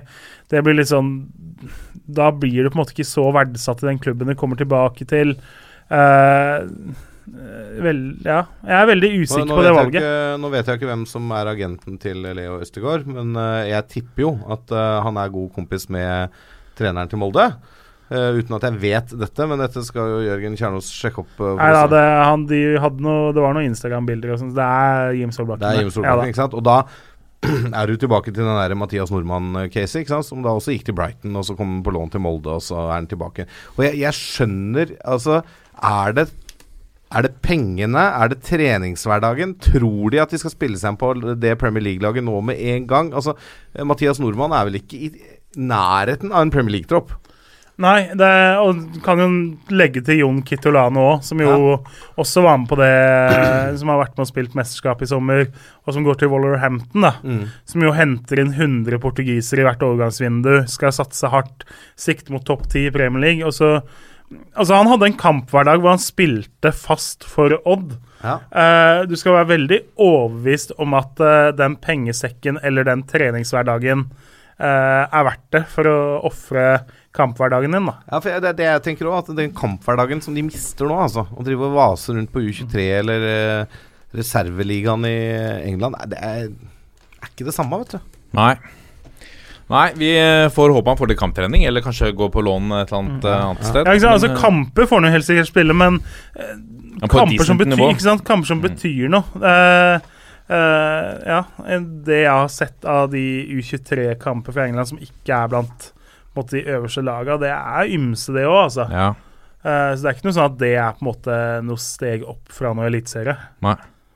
Nico Mikkelsson har uh, imponert for, uh, for HamKam uh, nok til at Strømsgodset har signert ham fra 1.1.2019. Nå er han også tatt ut i denne troppen til uh, Leif Gunnar Smerud. Hva tenker du om han, Jørgen? Jo, nei, det, det er en Stødebekk som jo, når vi snakker om kamphverdag Han har jo fått spille mye for HamKam i to sesonger i annendivisjon. Uh, og spilt regelmessig i Obos-ligaen nå, så det er så klart han har jo kamphverdagen. Eh, ganske hurtig, trygg, stødig bekk. Eh, vist at han kan spille på begge sider da, på Hamar. Eh, jeg har jo veldig sansen for den signeringa fra Godset òg, som vi må si. Eh, Eh, Godset henta han, og så henta de Johan Hove som kom. De henta Myra til å stå i mål. Og så i dag så henta de Haldor Stenevik fra Brann, som jo også har vært på utlandet i Nest Sotra. Eh, Godset har virkelig gått tilbake til det der å hente store talenter som de kan forme. Eh, om to, tre, fire år så tror jeg vi får se at det overgangsvinduet de har hatt i sommer, da, har vært fantastisk for hvor de er når vi snakker 2022. Mm. Helt enig. Eh, ja, og det, er altså Mikkelsen er vel på sikt tenkt å erstatte en Wilsvik, regner jeg med, som eh, ikke har vært helt top notch det siste halvannet året. Og Det er vel ikke noen tvil om, og det kommer vi kanskje tilbake til i um, nei, i, um, preview etterpå, men det er vel ikke noen tvil om at um, det begynner å, begynner å bli litt keeperutfordringer i, i Drammen nå. Ja, det er vel på tide med en utskiftning der, eh, på et eller annet tidspunkt, uten at vi skal avskilte Bugge Pettersen ennå, men, men, eh, men eh, han begynner å dra på åra. Mer om det senere, si. Mer om Oi, riktig. Eh, Tobias Børkeie eh, Kjernås var, var rykta til, til Heerenveen i, i sommer, annet. At de har vært på, på Nadderud og sett matcher. Ja, han er jo Han kom jo veldig for Stabæk eh, i vinter. Eh, da fikk jeg øya opp for han. Da var han sånn Han sto fram i en del av de treningskampene. Han var skikkelig Tok tak og var den som dro laget, på en måte. Som var lederen i laget. Eh, knapt spilt A-lagsfotball for dem før, og så bare går opp og gjør det. Eh, litt sånn en hva skal vi si, defensiv midtbanespiller, men som har mer til spillet sitt. da. Eh, ganske lav feilprosent. Eh, gjør på en måte den der basisjobben bra. Og så har han bra fysikk. Eh, jeg syns han på en måte dekker rom godt. Eh, jeg liker han veldig godt som spillertype. Han, eh, han er jo mer eh, Sander Berge enn Martin Ødegaard, for å si det sånn. Eh, så det er klart, hvis du tenker i et langt perspektiv, så blir jo han fort en nummer to bak Sander Berge på et landslag i den rollen. Kan jeg fort se for meg. Eh, spiller jeg har kjempesans for. Det er veldig gøy når unggutter tar ansvar og tak med en gang. Og bare viser at altså de er der for å levere, og de er der for å bidra. Og lar seg ikke pelle på nesa av eldre lagkamerater. Det, sånne typer har jeg veldig sans for. Sånne menn vil uh, gamle Norge ha. eller- Ja, ja, ja. sånt. Helt klart. Uh, og så har vi jo uh, den mannen som kanskje ikke trenger så veldig mye ytterligere presentasjon, Erling Braut Haaland. Som jo eh, Det er vel på tide at han får ta et eh, steg opp aldersbestemt her. Ja, det var jo helt naturlig at han skulle inn på U21 nå. Jeg syns det var for tidlig med landslaget på, på han, selv om han har levert eh, meget bra i en eh, periode nå. Mm. Ni mål på 18 kamper for uh, Molde. Ja, og de fleste av de har jo kommet uh, nå i det siste. Han har vel uh, syv av de eller noe sånt, eller fem eller seks, ja, noe sånt Ja. mot Brann, da, Ja. isolert sett. Men, um, men han har mange sammenligner han jo litt med sånn det var da Jon Carew slo igjennom. Ja. Fysisk sterk, stor spiller, eh, bra tempo. eh, Vent da, nå er det plystrebuss-alarm på Jørgen Kjernås. Nei, Dra ned mikrofonen, Jørgen. Vi- Videre. ja, ja, men altså han, eh, han er jo sammenligna litt med hvordan det var da Jon Carew slo gjennom som 17-åring. Og det, jeg skjønner den sammenligningen, for det, eh, han gjør jo noe Han får jo ganske rutinerte, erfarne og eldre midtstoppere og solide fysiske midtstoppere i Eliteserien til å se ut som juniorspillere. Mm. Har, jo- har jo to ganger på få uker lekt med det vi kanskje har kalt Eliteseriens beste stoppepar, i Vito Wormgård og Bismar og Costa. Ja. Altså Han har lekt med du, du så når de spilte i Molde, de var livredde. Mm. De rygga og rygga og rygga. De var livredde for han. Og da, når du er 18 år og har satt deg i den eh, respekten der, da har du noe med deg, vet du. ja. Det er fantastisk eh, gøy å se på. Det blir jo veldig spennende å følge han i Red Bull eh, Salzburg. Eh, Ja. Kanskje fornuftig klubbvalg. Få Forhåpentligvis få spille eh, A-lagsfotball tidlig. Ja, det, det kan jo godt hende, og han blir vel henta for en viss sum, så det kan jo hende at de har eh, lyst til å bruke han. Det ser jo for øvrig ut som at Red Bull eh, Salzburg ryker ut av Champions League nå. Etter 0-0 borte mot Røde Stjerne, så står det nå 2-2. De hadde vel uansett ikke gått videre til kvartfinale, som da spilles på nyåret. Ja, så ja, Haaland da, men, Gikk de eh, ikke til eh, kvart eller semi i Europaligaen i fjor, da?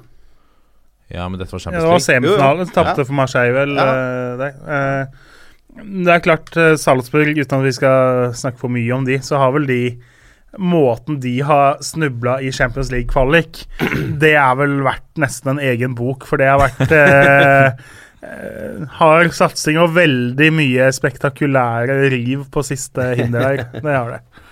Eh, og det er jo litt Og ikke sånn med tanke på Haaland, eh, men eh, klubben og på en måte måten den er tufta, så er det jo litt OK at de snubler, det må vi jo si. Spillere fra Jørgen Kjernås med en liten Red Bull-boks på, på bordet. Gigant, det er godt det ikke var noe sånn svingdørgreie, for den traff hardt. Vi har en siste sak i pulsen, og det er en tweet fra Quadrofenia på Twitter, eh, som er retweeta til oss av eh, 30 understrek Christian. Han sier at Eliteserien hadde i helga et snitt på 6849 tilskuere, mot Allsvenskans 7255, og det uten hjemmekamp for Brann, men med hjemmekamp for Djurgården, AIK, Malmö og Nordkjøping, altså publikumslag i Sverige. Hverdagen er ikke så forskjellig, sier han, selv om den virker gigantisk når vi ser bilder fra Stockholmsderbyer. Og Der ser vi kanskje da at vi, øh, altså vi er et litt mindre land enn Sverige. Kanskje tilskuersnittene her ikke er så ille, Maxted? Altså, vi har jo flere tilskuere per kamp i forhold til tilskuertall enn Sverige har. Ja. Uh, så det, det er ikke så og Dette snakka vi jo litt om i episode 100. Ja. Det, det er ikke så mørkt, uh, dette tilskuersnittet i Norge. Vi har uh, bytta ut en del tilskuerdrivere med uh, noen lag som ikke har plass til så veldig mange. Eh, så, så det er ikke så bekmørkt som folk skal ha det til. Det er fortsatt interesse for norsk fotball. Eh, og det viser jo også disse tallene her. Det står jo svart på hvitt at eh, vi er ikke så halvgærent i forhold til Sverige. Og nå blir det- bare bedre og bedre. Ja, og så må vi jo si, altså Ja, ja. Allsvenskan har jo noen ubegripelig dårlig besøkte kamper. Mm. Dalkurd hadde hjemme det jeg tror var mot Brommapoikerne. Lyst til å gjette hvor mange de hadde? 259. Ja, Da bommer du med 48. Oi, Eh, de hadde 211 Allsvenskan? mann 211! yes, i Det er år i. Allsvenskan. Ikke sant? Brommapojkarna har hatt 869 på en match. Hekken hadde 1017 på sitt laveste i år. Mm. Trelleborg 1427. Sirius hadde 1823 på sin dårligst besøkte. Så eh, de har på en måte fem lag, da, som jo er nede på Ranheim-nivå under det, liksom. Ja. Det, Og da ser du igjen, som han påpeker, disse Stockholmsderbyene. Altså når det er fullt hus på den der er det tele... Friends Arena? Friends Arena. Ja. Ikke sant? Og selvfølgelig, det drar opp snitt, og det ser fantastisk ut, og det er stemning og pyro og Kalabolik, kalabalik, men det det er ikke hverdagen i svensk fotball, det heller, altså. Nei. Og så kan de jo si det er sånn ikke, Ja, men Helsingborg er på nivå to. Men ja, Ålesund og Viking er på nivå to i Norge, og Fredrikstad er på nivå tre. Så eh, skulle vi toppa laget, så hadde vi jo rokert om litt. Ja. Hvis vi ikke skulle tenkt på de 16 tilskuerlagene, så hadde vi jo bytta ut i hvert fall fem-seks lag i Eliteserien. Helt Ja, klart. så hvis du møter på noen svensker som erter deg fordi at det er eh, lave tilskuertall i Norge, så bare be dem holde kjeft. Ja, det, vi slår dem på det. Per capita. Per capita. Dette er toppfotball. Og da har vi kommet til preview på neste eliteserierunde, og vi begynner i Drammen med Strømsgodset, som uh, kommer fra et uh, frykende oppgjør i Trondheim, uh. Ja, og det er jo egentlig De møter jo Tromsø, da, på hjemmebane. Og det er jo egentlig en kamp mellom to formsvake lag. Uh, Godset har eh, tre kamper på rad uten seier. To uavgjort, og da dette nevnte tapet 3-4 borte mot eh, Rosenborg sist. For Tromsø er det jo enda verre. De har fem tap på rad. Og det forrige tapet hjemme mot rivalene Bodø-Glimt svei nok litt ekstra, tenker jeg, på Alfheim. Tromsø er på en måte litt i posisjon til å rote seg ned i den gjørma som godset ligger i nå. For det er altså Det virket jo ganske usannsynlig bare for noen uker siden, men med tap her så knapper jo godset inn tre av de fire poengene de ligger bak Tromsø. Og skulle Stabæk og Lillestrøm vinne sine kamper, er de henholdsvis kun fire og fem poeng bak uh, Gutan. Og da kan de fort kjenne den der berømte pusten i nakken, altså nedrykksspøkelset. Ikke det at jeg tror Tromsø rykker ned, men det kan bli en litt tyngre høst enn de hadde sett for seg eh, for eh, fire-fem serierunder siden. Mm. Vi må helt tilbake til 2008-sesongen for å finne forrige gang Tromsø vant i Drammen. Etter det er det spilt åtte kamper mellom lagene der, og Godset har vunnet syv av disse. Omvendte oppgjør i eh, Tromsø endte med 3-1-seier. Det var en kamp som var utsatt fra andre serierunde. Da kom jo Godset til Alfheim etter å ha høvla over Vålerenga i Oslo, og da så det ut som et juniorlag. Altså Markus Pedersen var helt tydelig ikke påskrudd, og resten av laget rota fælt de også. Tromsø tok en meget, meget fortjent seier i den kampen. En som også har rota litt uh, i denne sesongen, her er nevnte keeper Espen Bugge Pettersen, som gang på gang har gjort ganske store keepertabber. Nå sist mot uh, Rosenborg. Han gjorde også en ganske stor en hjemme mot Rosenborg, hvor de tapte 1-0. Uh, eh, det må han legge av seg. For det, flere av disse tab tabbene har kosta verdifulle poeng altså for godset. Så skal de eh, klatre litt utover høsten, så må han eh, enda mer på jobb enn det ser ut som han har vært. Ja. Eh, Tromsø mangler midtbanegeneral Morten Gams Pedersen. Han er ute med karantene, eh, men har sannsynligvis da Runar Espejord tilbake eh, aktuell for en startplass. Han satt på benken sist. Han går da sannsynligvis inn på topp, vil jeg tro, og da flytter de vel enten Mikael Ingebrigtsen eller Gjermund Aasen litt dypere i banen enn sist, hvor Ingebrigtsen spilte i den hengende spissrollen, og Aasen var spissmakker eh, med Jeg husker ikke hvem som spilte spiss i den kampen for Tromsø, men det er jo ikke så mye å si. Um, Godset er eh, karantenefrie, men toppskårer Markus Pedersen sto over kampen mot Rosenborg med skade, og er vel eh, omtalt som usikker, tenker jeg, til den kampen her. Ja. Eh, Han fikk i Mos en scoring, da. To. Ja, Han ble kreditert Ja, til siste skåringa i dag. Eh, så det Ja, han jo- har jo kommet i gang, og har vel da nå tangert Tom Lund, blant annet, på antall skåringer i toppdivisjonen i Norge. Det er ikke dårlig. Det er ikke dårlig. 64 der, altså. Ja. Det er ikke noe dårlig erstatter det for Markus, hvis nei, han ikke hvis han er, nei, nei, han er jo ikke det, men uh, jeg tror nok. Godset helst ser at uh, Markus Pedersen spiller. Ja. Uh, jeg tror nok dessverre for Tromsø at Strømsgodset vinner denne kampen her. Eh, det har ikke helt gått på skinner for Godset etter BP tok over for Skullerud, men eh, med statistikken i bakhodet og Tromsøs begredelige form, så må nok Godset få lov å bære et uh, visst favorittstempel i den kampen. ja, for Tromsø har altså fem uh, tap på rad. Fem tap på rad. Det er jo helt utrolig at de ikke ligger lenger ned. Men de hadde jo en veldig bra uh, vår også. Ja, og spesielt sterke på halv fem, da. Ja. Ja. Nei, um, vi går videre til uh, Nadderud uh, Jørgen Kjernås. Uh, Stabæk tar imot Sandefjord fotball. Og nå begynner folk for andre gang å avskrive Sandefjord. Ja, nå eh, Nå er det jo veldig, veldig begrunna, da. De tapte jo eh, mot Lillestrøm sist, og Lillestrøm var gode. Eh, nå er det syv poeng opp til nettopp Stabæk på kvalikplass.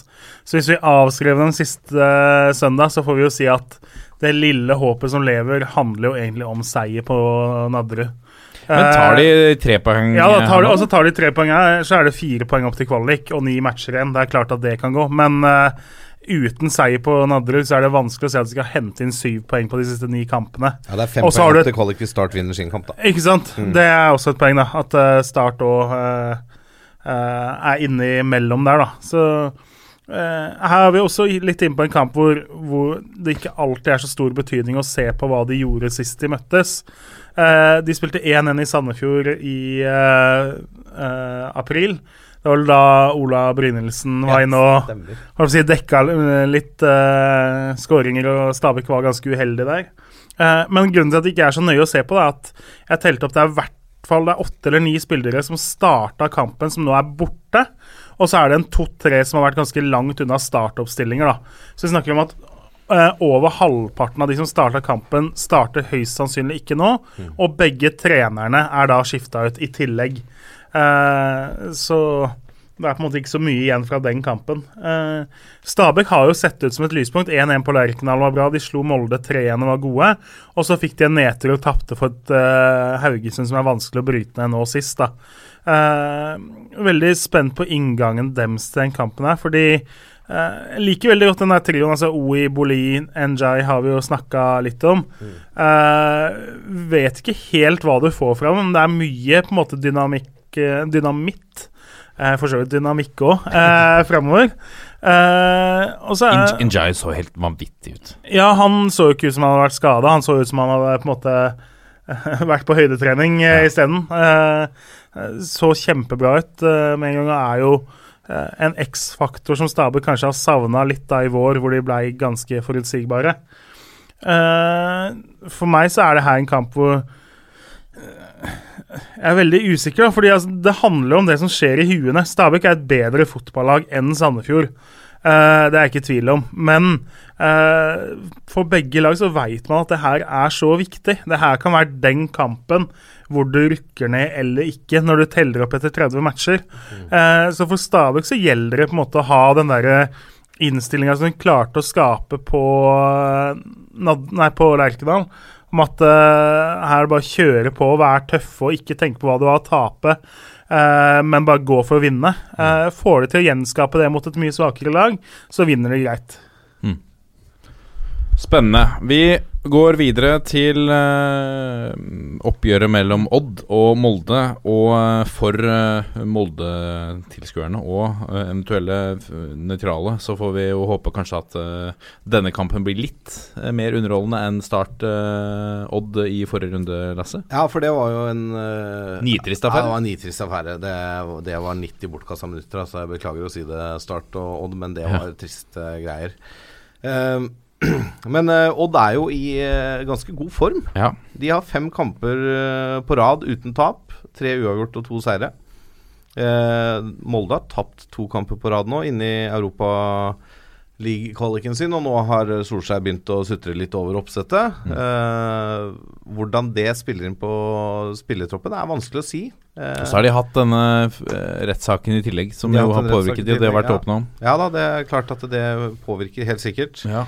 Eh, Det er jo ingen av lagene som har karantene, men det blir jo spennende å se hvordan Molde takler dette å nå reise Nei, de spiller hjemme, selvfølgelig, mot uh, Zenit. Ja. Uh, skal hente inn en, et 1-3-tap der borte fra, hvor de rakna litt på slutten. Mm. Så tapte de jo nå sist uh, på hjemmebane mot Ranheim. Eh, spennende å se hvordan de takler den kampen torsdag, og så da reise til Skien på, på søndag. Eh, Molde har jo historisk sett slitt i Skien. Eh, på 17 oppgjør så har de én seier. Så er det åtte Odd-seiere og åtte uavgjort. Og den seieren kom jo da i fjor. Ja. Da vant Molde 2-1, så da brøt de en barriere der. Eh, Odd vant jo 1-0 på Aker i april etter en skåring av Fredrik Nordkvelde i første omgang. Eh, så jeg Altså Odd er jo et sånt lag det er litt vanskelig å bli klok på akkurat nå. De har uh, mista to venstrebacker, og så eh, han som skulle komme som erstatter, strøk på Ja. medisinsk test. Så da er det Birk Risa, som egentlig er en offensiv type, som har spilt venstreback. Eh, Torgeir Børven kommer liksom ikke helt i gang, og nå ble Kaasa skada i forrige kamp med en kneskade som ikke sånn så noe særlig ut. Bilal Eh, Njay også, tror jeg, ute. Ja, det er jo godt mulig. Det er, det er litt Men allikevel så har de da karra til seg poeng de siste kampene. Det er, Det er litt har- klassisk Odd, da. Ja, det er, og det er jo litt gøy Mm. når alt går imot, at en samler seg og på en måte suger til seg poeng, da. Mm. Karrer til seg poeng eh, på mange måter. Så det her er en sånn kamp som jeg mener fort ender med en uavgjort, da. Ja. 0-0 eller 4-4? Ja, 1-1, 0-0. Ja. Eller nettmålseier til et av lagene. Ganske åpen kamp, egentlig. Ja. Det spørs jo selvfølgelig litt hvor lenge Molde henger med mot Zenit. Hvis Zenit får en tidlig scoring der, så kan det hende at Molde eh, Skjønner at er skrur av litt eh, på gassen, og så sparer kreftene til eh, seriespill. For da må det jo opp og frem i serien for å kalle til Europa neste år. Ja, det er et godt poeng. Vi går videre til Aspmyra. Bodø-Glimt tar imot Sarpsborg 08. Eh, et oppgjør som ble endte målløst da de møttes i eh, april. Uh, Sarpsborg skal jo til, eh, til eh, Israel på, på torsdag, eh, og deretter opp til, til eh, Glimt. Eh, kun tre dager imellom der. Eh, Geir Bakke sparte jo en del spillere nå sist for å begrense kampbelastningen. Og så gikk ikke det helt veien med et eh, hjemmetap mot eh, Kristiansund. Eh, så, så det er jo interessant å se da hvor mye det kan ha å si uh, med to tette kamper her. Um, eh, Bodø-Glimt fikk jo en stor vitami- vitamininnsprøytning selvfølgelig når de vant slaget om Nord-Norge mot, mot Tromsø. Og nå har de tatt ni poeng på det seks siste. Tre kamper på rad uten tap. Det begynner sakte, men sikkert å, å snu litt eh, der. Det, pila peker litt eh, oppover. Vi har jo snakket om at altså nedrykksspøkelset har jo for alvor hengt over de også. Um, for Bodø-Glimt så er uh, José Isidoro Gomez Torres ute med usikker med, med skade. Uh, for uh, Sarpsborg 08 så er Bjørn eh, Inge Utvik eh, tror jeg definitivt ute. Eh, statistikken i historikken mellom disse sier eh, tre seire til Bodø-Glimt, én uavgjort og seks til Sarpsborg 08. Så ingen tvil om hvem som har det historiske overtaket. Hva, hva tror dere om denne matchen? Nei, Da? det er jo den reisebelastningen, da. Altså De spiller kamp seint torsdag i Israel. Mm. Kommer jo da sannsynligvis ikke hjem til Norge før tidligst litt utpå dagen fredag. Og så skal du få den kampen i Israel ut av beina, og så skal du ut og reise til Bodø kanskje på lørdag allerede. Eh, Det blir mye reisebelastning, mye borte fra familie og venner, eh, alle sånne ting. Det, det er ting som kan spille inn. Mm. Men får de en veldig positiv opplevelse i Israel, altså hvis de nå tar seg videre, da. Det gjorde en kjempekamp hjemme, mot uh, Makabi Tel Aviv der. Uh, så kan jo det være med å gi, frigjøre energi Ja. Til at, det, at de bare drar opp der og bare koser seg. ikke sant? Og de bør ringe Christian Gauseth for eh, reisetips.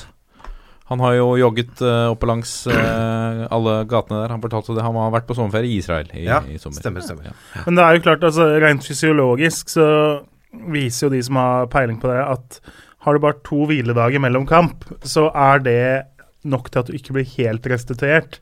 Eh, når du i tillegg skal reise fra Israel via Sarpsborg og opp til Bodø, Eh, Sikkert ikke med privatfly. Nei, også, så det, jeg ser jo for meg at det blir sånn som de har gjort både mot Brann og KBK nå, at de bytter ut store deler av laget fra Europakampen til Eliteserien. Uh, fordi de vil ha spillere som er 100, eller i hvert fall 95% klare. Men da har du igjen litt svakere spillere på banen, da. Så det er den avveininga der. Uh, klart, altså Oddsmarkedet mener jo nå at det er rundt 50-50 for om Bodø-Glimt vinner eller ikke. Det hadde ikke vært hvis Sarpsborg eh, hadde vært, ikke spilt Europa i sommer, for å si det sånn. Da hadde oddsen vært betraktelig jevnere på den kampen. Var det ikke et av lagene i Europaligaen nå som har faktisk chartra parter, eh, parterfly? Parter- Ikke parterfly, men privatfly? Molde gjorde Ja, det. Molde gjorde det selvfølgelig, ja. Det er riktig. Og det, og det eh, kan man jo forstå når du hører Altså hvis man har penger til det, Mm. så kan man jo forstå hvor uh, Istedenfor å forholde seg til rutetiden også, komme seg hjem og få restaurert tidlig. Ja, altså, og, og Molde har flyplass i sin by. Ikke sant? Sarpsborg må enten fly til Gardermoen eller til Göteborg. La- Og Da blir det noen timer i buss også. Mm. Så jeg vet jo ikke hvordan Sarpsborg tenker om de da, når de kommer til Norge på fredag, flyr rett til Bodø, kjører restitusjonstrening der oppe, eh, sjekker inn på hotell og hviler der. Det vet jeg ikke. Nei. Men hvis de tar buss da fra Gardermoen til Sarpsborg på fredag, og så opp igjen til Gardermoen på lørdag, så må du beregne inn den halvannen timen på buss og i reisebelastning. Ja, det er sant. Uh, og sitte på buss først, og så skal du tusle inn på flyplassen, og så sjekke inn, og så skal du sitte på flyet en time halvannen. annen. Ikke sant? Det, det, alt dette spiller inn. Ja. Så um, det høres fornuftig ut til oddsmarkedet, for de som er interessert i sånt. Ja, ikke sant. uh, apropos, si. Kjernås. uh, Brann tar imot uh, Ranheim. Ja, eh, Brann eh, har jo henta eh, to av håper nøkkelspillerne til Ranheim. En som jo Ja, har kommet kommet det nå. er veldig interessant her Ja nå. da. uh, klart at uh, Eggen Rismark, om han får spille Han er jo et ganske klart tredjevalg nå. Men så ha, så jo Brann litt stusslig ut på uh, Intility. Kan jo være fristende på en måte å rokere litt og sette inn kanskje han, da. Altså, han er jo henta inn ikke for å sitte på benken til evig tid. Så når du har hatt en litt svak prestasjon, så tenker jeg jo at da må det friste for Lars Arne Nilsen å dytte inn han. Og så har du da Løkberg som skal spille for Ranheim, men som jo skal til Brann eh, neste sesong. Eh, og sånn jeg kjenner han, så altså, det er jo ingen som trenger å betvile at han kommer til å gi 100% på banen der uansett. Men. Samtidig, da, så Altså, så det sitter jo et eller annet sted veldig langt i bakhuet, da. At eh, det laget jeg spiller mot nå, skal jeg spille for neste år, og kanskje jeg kan spille Champions League med dem. Eh, så uten at Løkberg kommer til å gi noe annet enn full guffe der, eh, så er det jo en litt snodig situasjon, syns jeg, da, å spille mot den klubben du spiller mot neste år. I hvert fall når kampen betyr veldig mye for dem. Uh, Brann har jo da i tillegg så er vel Bamba har vel klart å bli suspendert. Uh, han rota jo på seg et gult kort her sist, og skal ha fått eh, eh, fire gule kort til sammen i Eliteserien. Ja. Eh, både han og Rismark spilte jo da onsdag, uh, altså i dag når vi spiller inn, uh, annenlagskamp mot Fana. Uh, Bamba skårte to, og Rismark skårte ett. Så det har i hvert fall fått skåra i Branntrøya. Men det er klart, eh, Bamba da, at han blir suspendert og mister en kamp Han har jo ikke fått en superstart, da. Det har han jo ikke. Med Og høye forventninger også. Solid ja, og høy, ikke sant? Med, med den eh, prislappen så følger det store forventninger. Men jeg, altså jeg er litt tilbake til Jeg liker jo at Brann på en måte tar de litt sakte inn i eh, troppen. Ikke bare Ok, vi betalte åtte millioner, han må starte. Ok. eh, Skålvik spilte seg jo ikke ut med å skåre i første kampen. Fikk sjansen nå eh, sist. Mm. Eh, og så eh, la dem få noen innom for å kjenne litt på hvordan det er med de nye lagkameratene. Eh, og så heller spille de inn utover høsten. For det ikke, altså de har jo signert en lang kontrakt med Bamba. Det er ikke noe hast med å få i gang han, så lenge laget egentlig fungerer ganske greit, da. Jeg husker Nils Arne Eggen sa det, uh, omtalte det om, om uh, spesielt de engelske Engelske fo fotballklubbene som kjøpte en spiller på tirsdag og spilte med en på onsdag. Totalt latterlig. Sånn. Eh, Ranheim, vi snakka jo litt om det sist uh, helg da vi skulle bort og møtte Molde. Så nevnte vi jo noe om eh, nettopp det her med belastning for Molde, da, at Ranheim kunne sjokkere kanskje der. Eh, det gjorde de jo. Eh, vant i Molde. Eh, flere av dem som feira på Twitter at nå er plassen berga, for nå har de liksom regna seg til at eh, det bør gå, og ikke havne på kvalik eller nedrykk. Eh, de er jo tross alt på skuddhold av en medaljeplass ennå.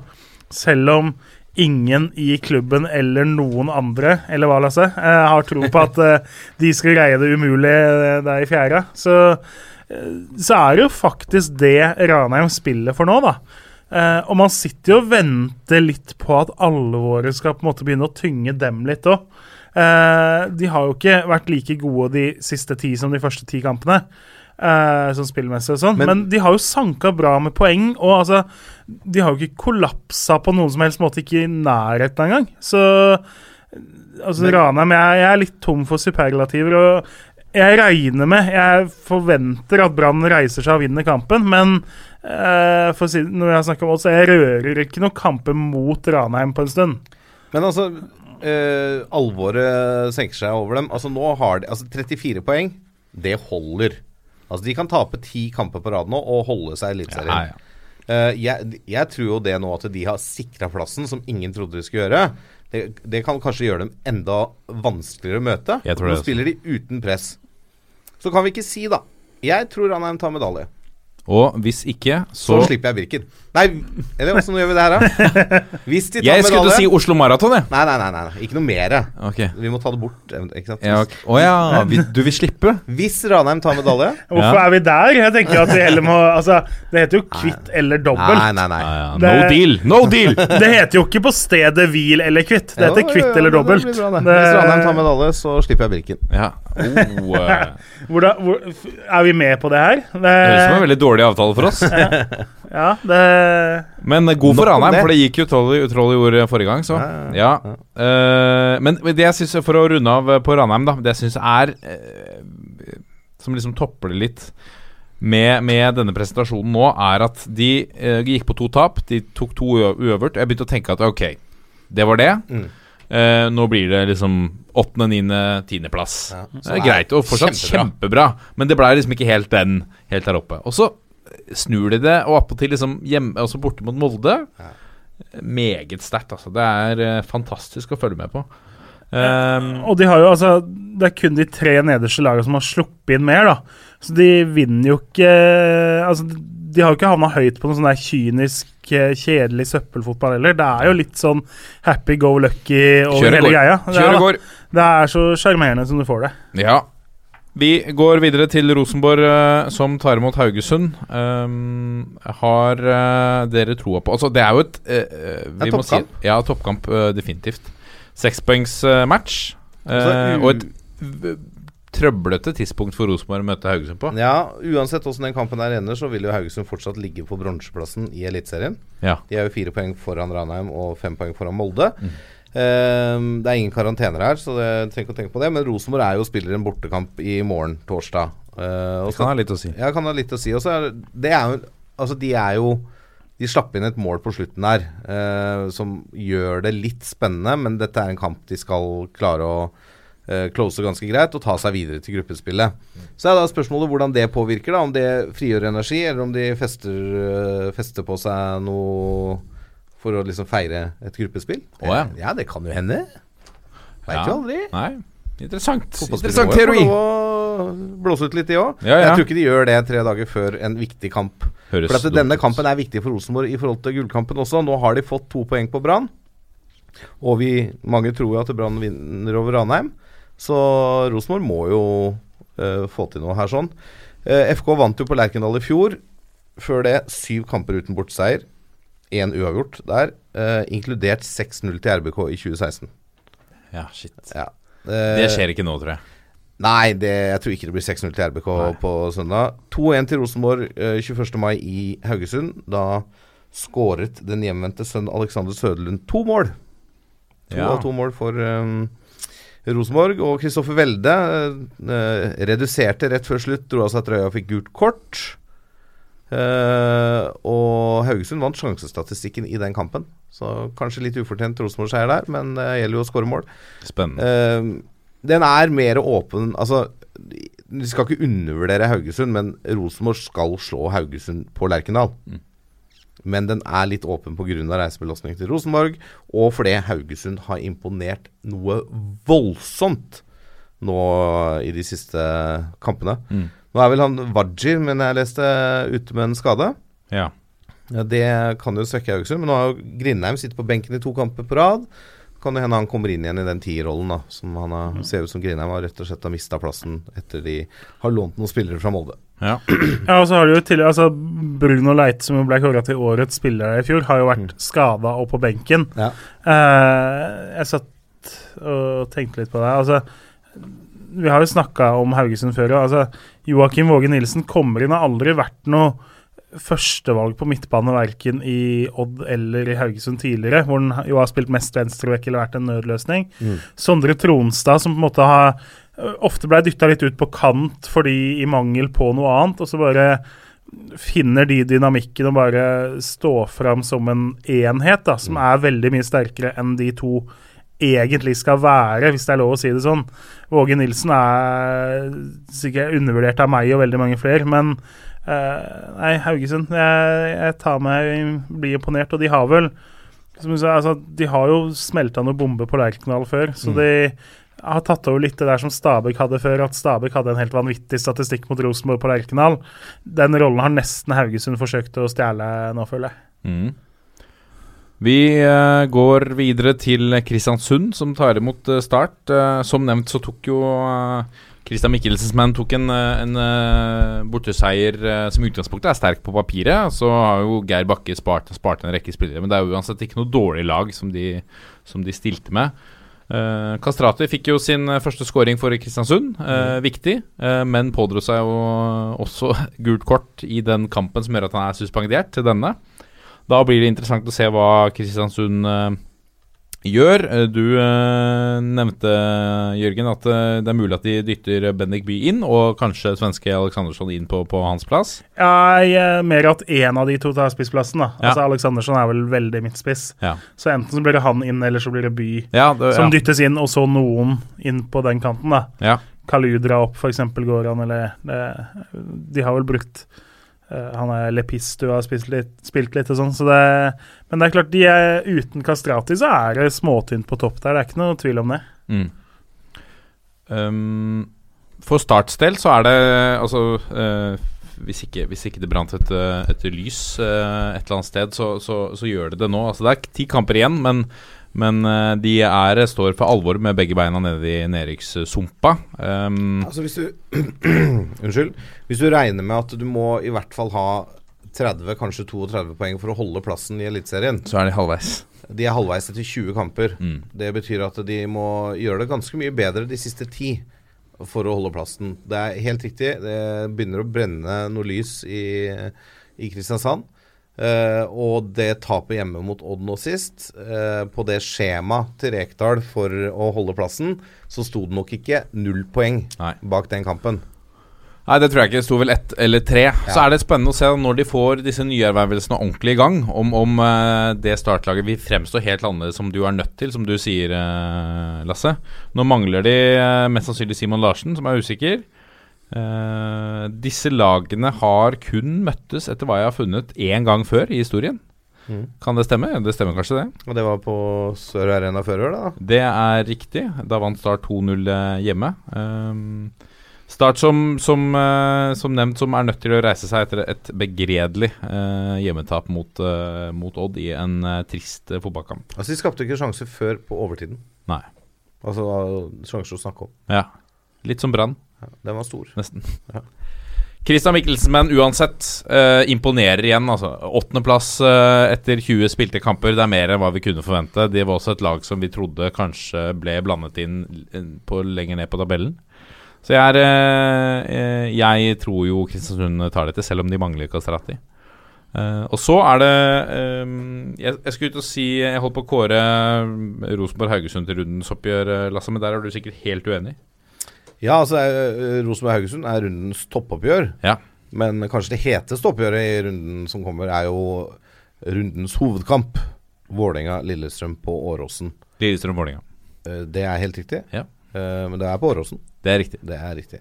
Og det er jo kanskje Eliteseriens heteste lokaloppgjør. Hvis Ja. du tar Det med litt det sånn lokal- kanskje, ja. Eh, Vålerenga har ikke vunnet på Åråsen på sine fire siste besøk. Men før det var det ubeseiret der oppe på, i syv kamper på rad, hvor seks av kampene endte med seier. Da døpte Vålerenga-supporterne stadion til Vårt Åråsen. Eh, omvendte oppgjør på Intility endte, som mange har fått med seg, 1-0 til Vålerenga, da Bård Finne ble den store helten med sin overtidsskåring. Lillestrøm var, slo Sandefjord sist. Det var den første seieren i Eliteserien siden 3-0. Eh, nei, ikke siden 3-0, men siden 13. mai. Så de har jo spilt en del kamper uten seier. Den seieren eh, kan nok vise seg å bli viktig på mange måter for LSK. Sandefjord, som vi nevnte, mista kanskje muligheten til å nærme seg Ja, de, muligheten til å nærme seg eh, sikker plass ytterligere. Og Lillestrøm fikk jo et lite pusterom da. Nå er det tre poeng ned til direkte nedrykk, eh, og det er kun ett poeng ned til kvaliken. eh, og tre poeng opp til godset på plassen foran. Men eh, det var et viktig poeng for eh, Lillestrøm sist. Etter 2-0 hjemme mot Brann sist, så står Vålerenga med to seire på rad etter å ha avsluttet en rekke med seks kamper uten seier. Vålerenga har da ikke klart å vinne tre kamper på rad siden oktober i fjor. Og Ronny Deila snakka jo om etter Brannkampen om å bryte grenser, da Vålerenga for første gang under hans ledelse slo et topp fire-lag. Eh, nye grenser må med andre ord brytes på søndag om det skal bli Vålerenga-seier. For eh, det er vel litt mangelen på stabilitet som har prega Vålerenga i mange år. Hvis vi ser de siste ti årene tilbake, så klarer de å sette opp en rekke på tre kamper, eh, tre seire på rad eller mer, eh, i snitt én gang per sesong. Å ja, er det sant? Det er sant. På ti sesonger så er det kun én gang I snitt. Ja, per sesong, ja. Ja, og det, det, inkluderer jo da 2010-sesongen, hvor de tok sølvet, og da var det vel to eller tre rekker med tre kamper eller mer. Men er det dette klassiske mediehysteriet og, som påvirker? Altså Letter de for fort eh, der borte? Ja, altså Vi snakka litt med Tor Tronsen Nei, Tor Todesen om det. Mm. Han tror det ligger vel så mye på spillerne som på ledelsen i klubben, eller hvem som trener de. Kan hende at man letter litt tidlig. Mm. For det er jo nå, to kamper på rad, så begynner man jo igjen å snakke om liksom topp seks medalje neste år. øh, Og liksom vi skal bli Altså, ta det litt steg for steg. Mm. Det er greit å si, øh, men altså det, må se litt på tabellen, se litt på realiteten her. Ligger på sjuendeplass. Ja. Eh, det er der det er.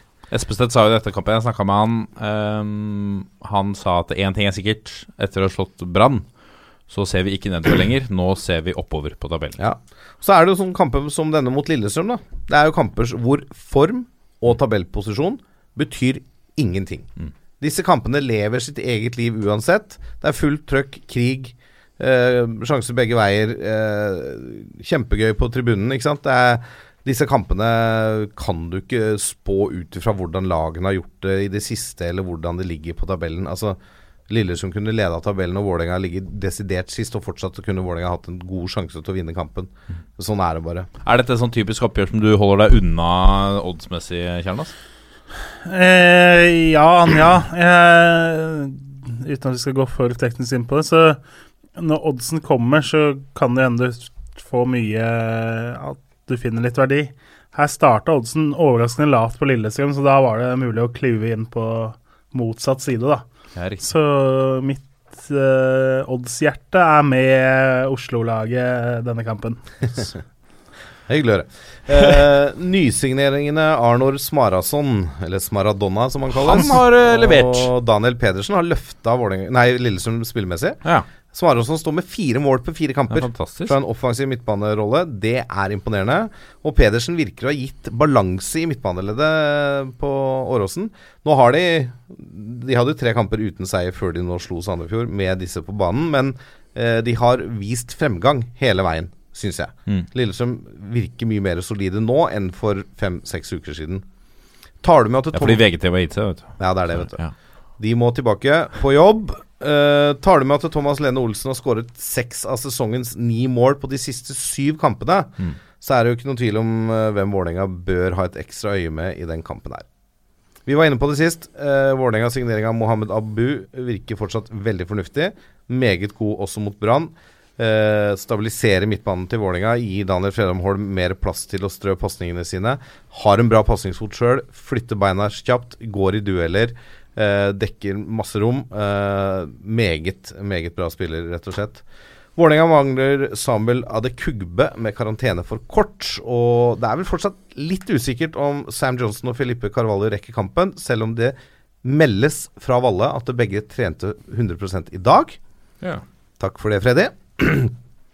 Eh, men Om kampen kommer for, tidlig, det vet vi ikke. Enar Jeger kan gå inn i forsvarsleddet, og da blir det vel kanskje ne Så Nesberg tror jeg blir venstreback på Åråsen uansett. Mm. Om det blir Jeger eller Carvalho i midtforsvaret, vil jo tiden vise. Ikke så dumt å ha en ekte Vålerenga-mann i uh, forsvaret der. Nei da, det er sikkert uh, ikke feil. Og Nesberg har jo spilt bra i det siste, sammen med Tolls Nation i Absolutt. midtforsvaret. De, ja. Lillestrøm ingen karantener, og ser heller ikke at de mangler noen umiddelbare kandidater for startelveren på skade, skadelista. Ja, som jeg sa, form, tabellposisjon har ingenting å si. Det tror jeg er tilfellet også på søndag. Eh, tett og jevn kamp, umulig å spå utfall. Eh, holder Lillestrøm som en knapp favoritt, eh, basert på eh, Smarason, Thomas Lene Olsen sin form, hjemmebanefordel, og at de fikk en opptur i Sandefjord sist. Vi ønsker begge lag lykke til. Dommere, støtteapparat Vi, eh, og alle Ønsker tilreisende. alle 16 lag lykke til. Ja, ikke sant? Uh, hvis dere skal gjette, hvor mange kamper tror dere er igjen av Eliteserien eh, 2018? Jeg Skal du ha så regn, hu, Totalt. da? Totalt. Hvor mange kamper som er igjen? Ja. Det er, spill, altså det er ti runder igjen ganger åtte. Så 80. 80. Yes. Glimrende. Da fikk vi trimma var- de små grå eh, på slutten her. For Ja. øvrig, bare nevne 80 kamper igjen å glede seg til, altså. Vi Ja, så har vi jo kvalik, og vi har cup, og. Ja. vi har en sju-åtte andre divisjoner. Vi gir oss ikke før ut i adventstida, det Nei vet da, vi. det gjør vi ikke. Uh, kan bare nevne at Ålesund har slått Jerv 3-0 på bortebane i dag Ja. i Obos-ligaen, og er nå fire poeng foran Mjøndalen uh, på toppen av Obos. Og har da seks poeng ned til kvalikplassen. Begynner å lukte at Ålesund spiller Eliteserien neste år med Lars Bohin bak roret. Interessant. Eller ved roret. Så skal jeg nevne at Pors tar imot Ørn Horten eh, hjemme på Pors eh, stadion 1.9. klokken fire. Vel møtt. Dit skal du. Eh, det får vi se. Godt jeg tar en liten tur. Vi, eh, skal vi Skal vi si det er greit? Det må være greit. Ja, det får være greit ja, for det nå. må være greit, det. Takk for nå, Sim. Takk for nå. Men vi må runde av som vi pleier å gjøre. Men aller først, eh, har du noen spørsmål eller eh, tilbakemeldinger, eh, forslag til hva vi skal diskutere, send oss en mail på tofffotballat451.no. Det blir vi veldig glade for. Eh, og så er vi også på Facebook, Twitter og Instagram. Eh, og Gå gjerne inn og legg inn en rating, da, vet du. Så avslutter vi på 1, 2, 3. Vi er i gjeng. Ha det!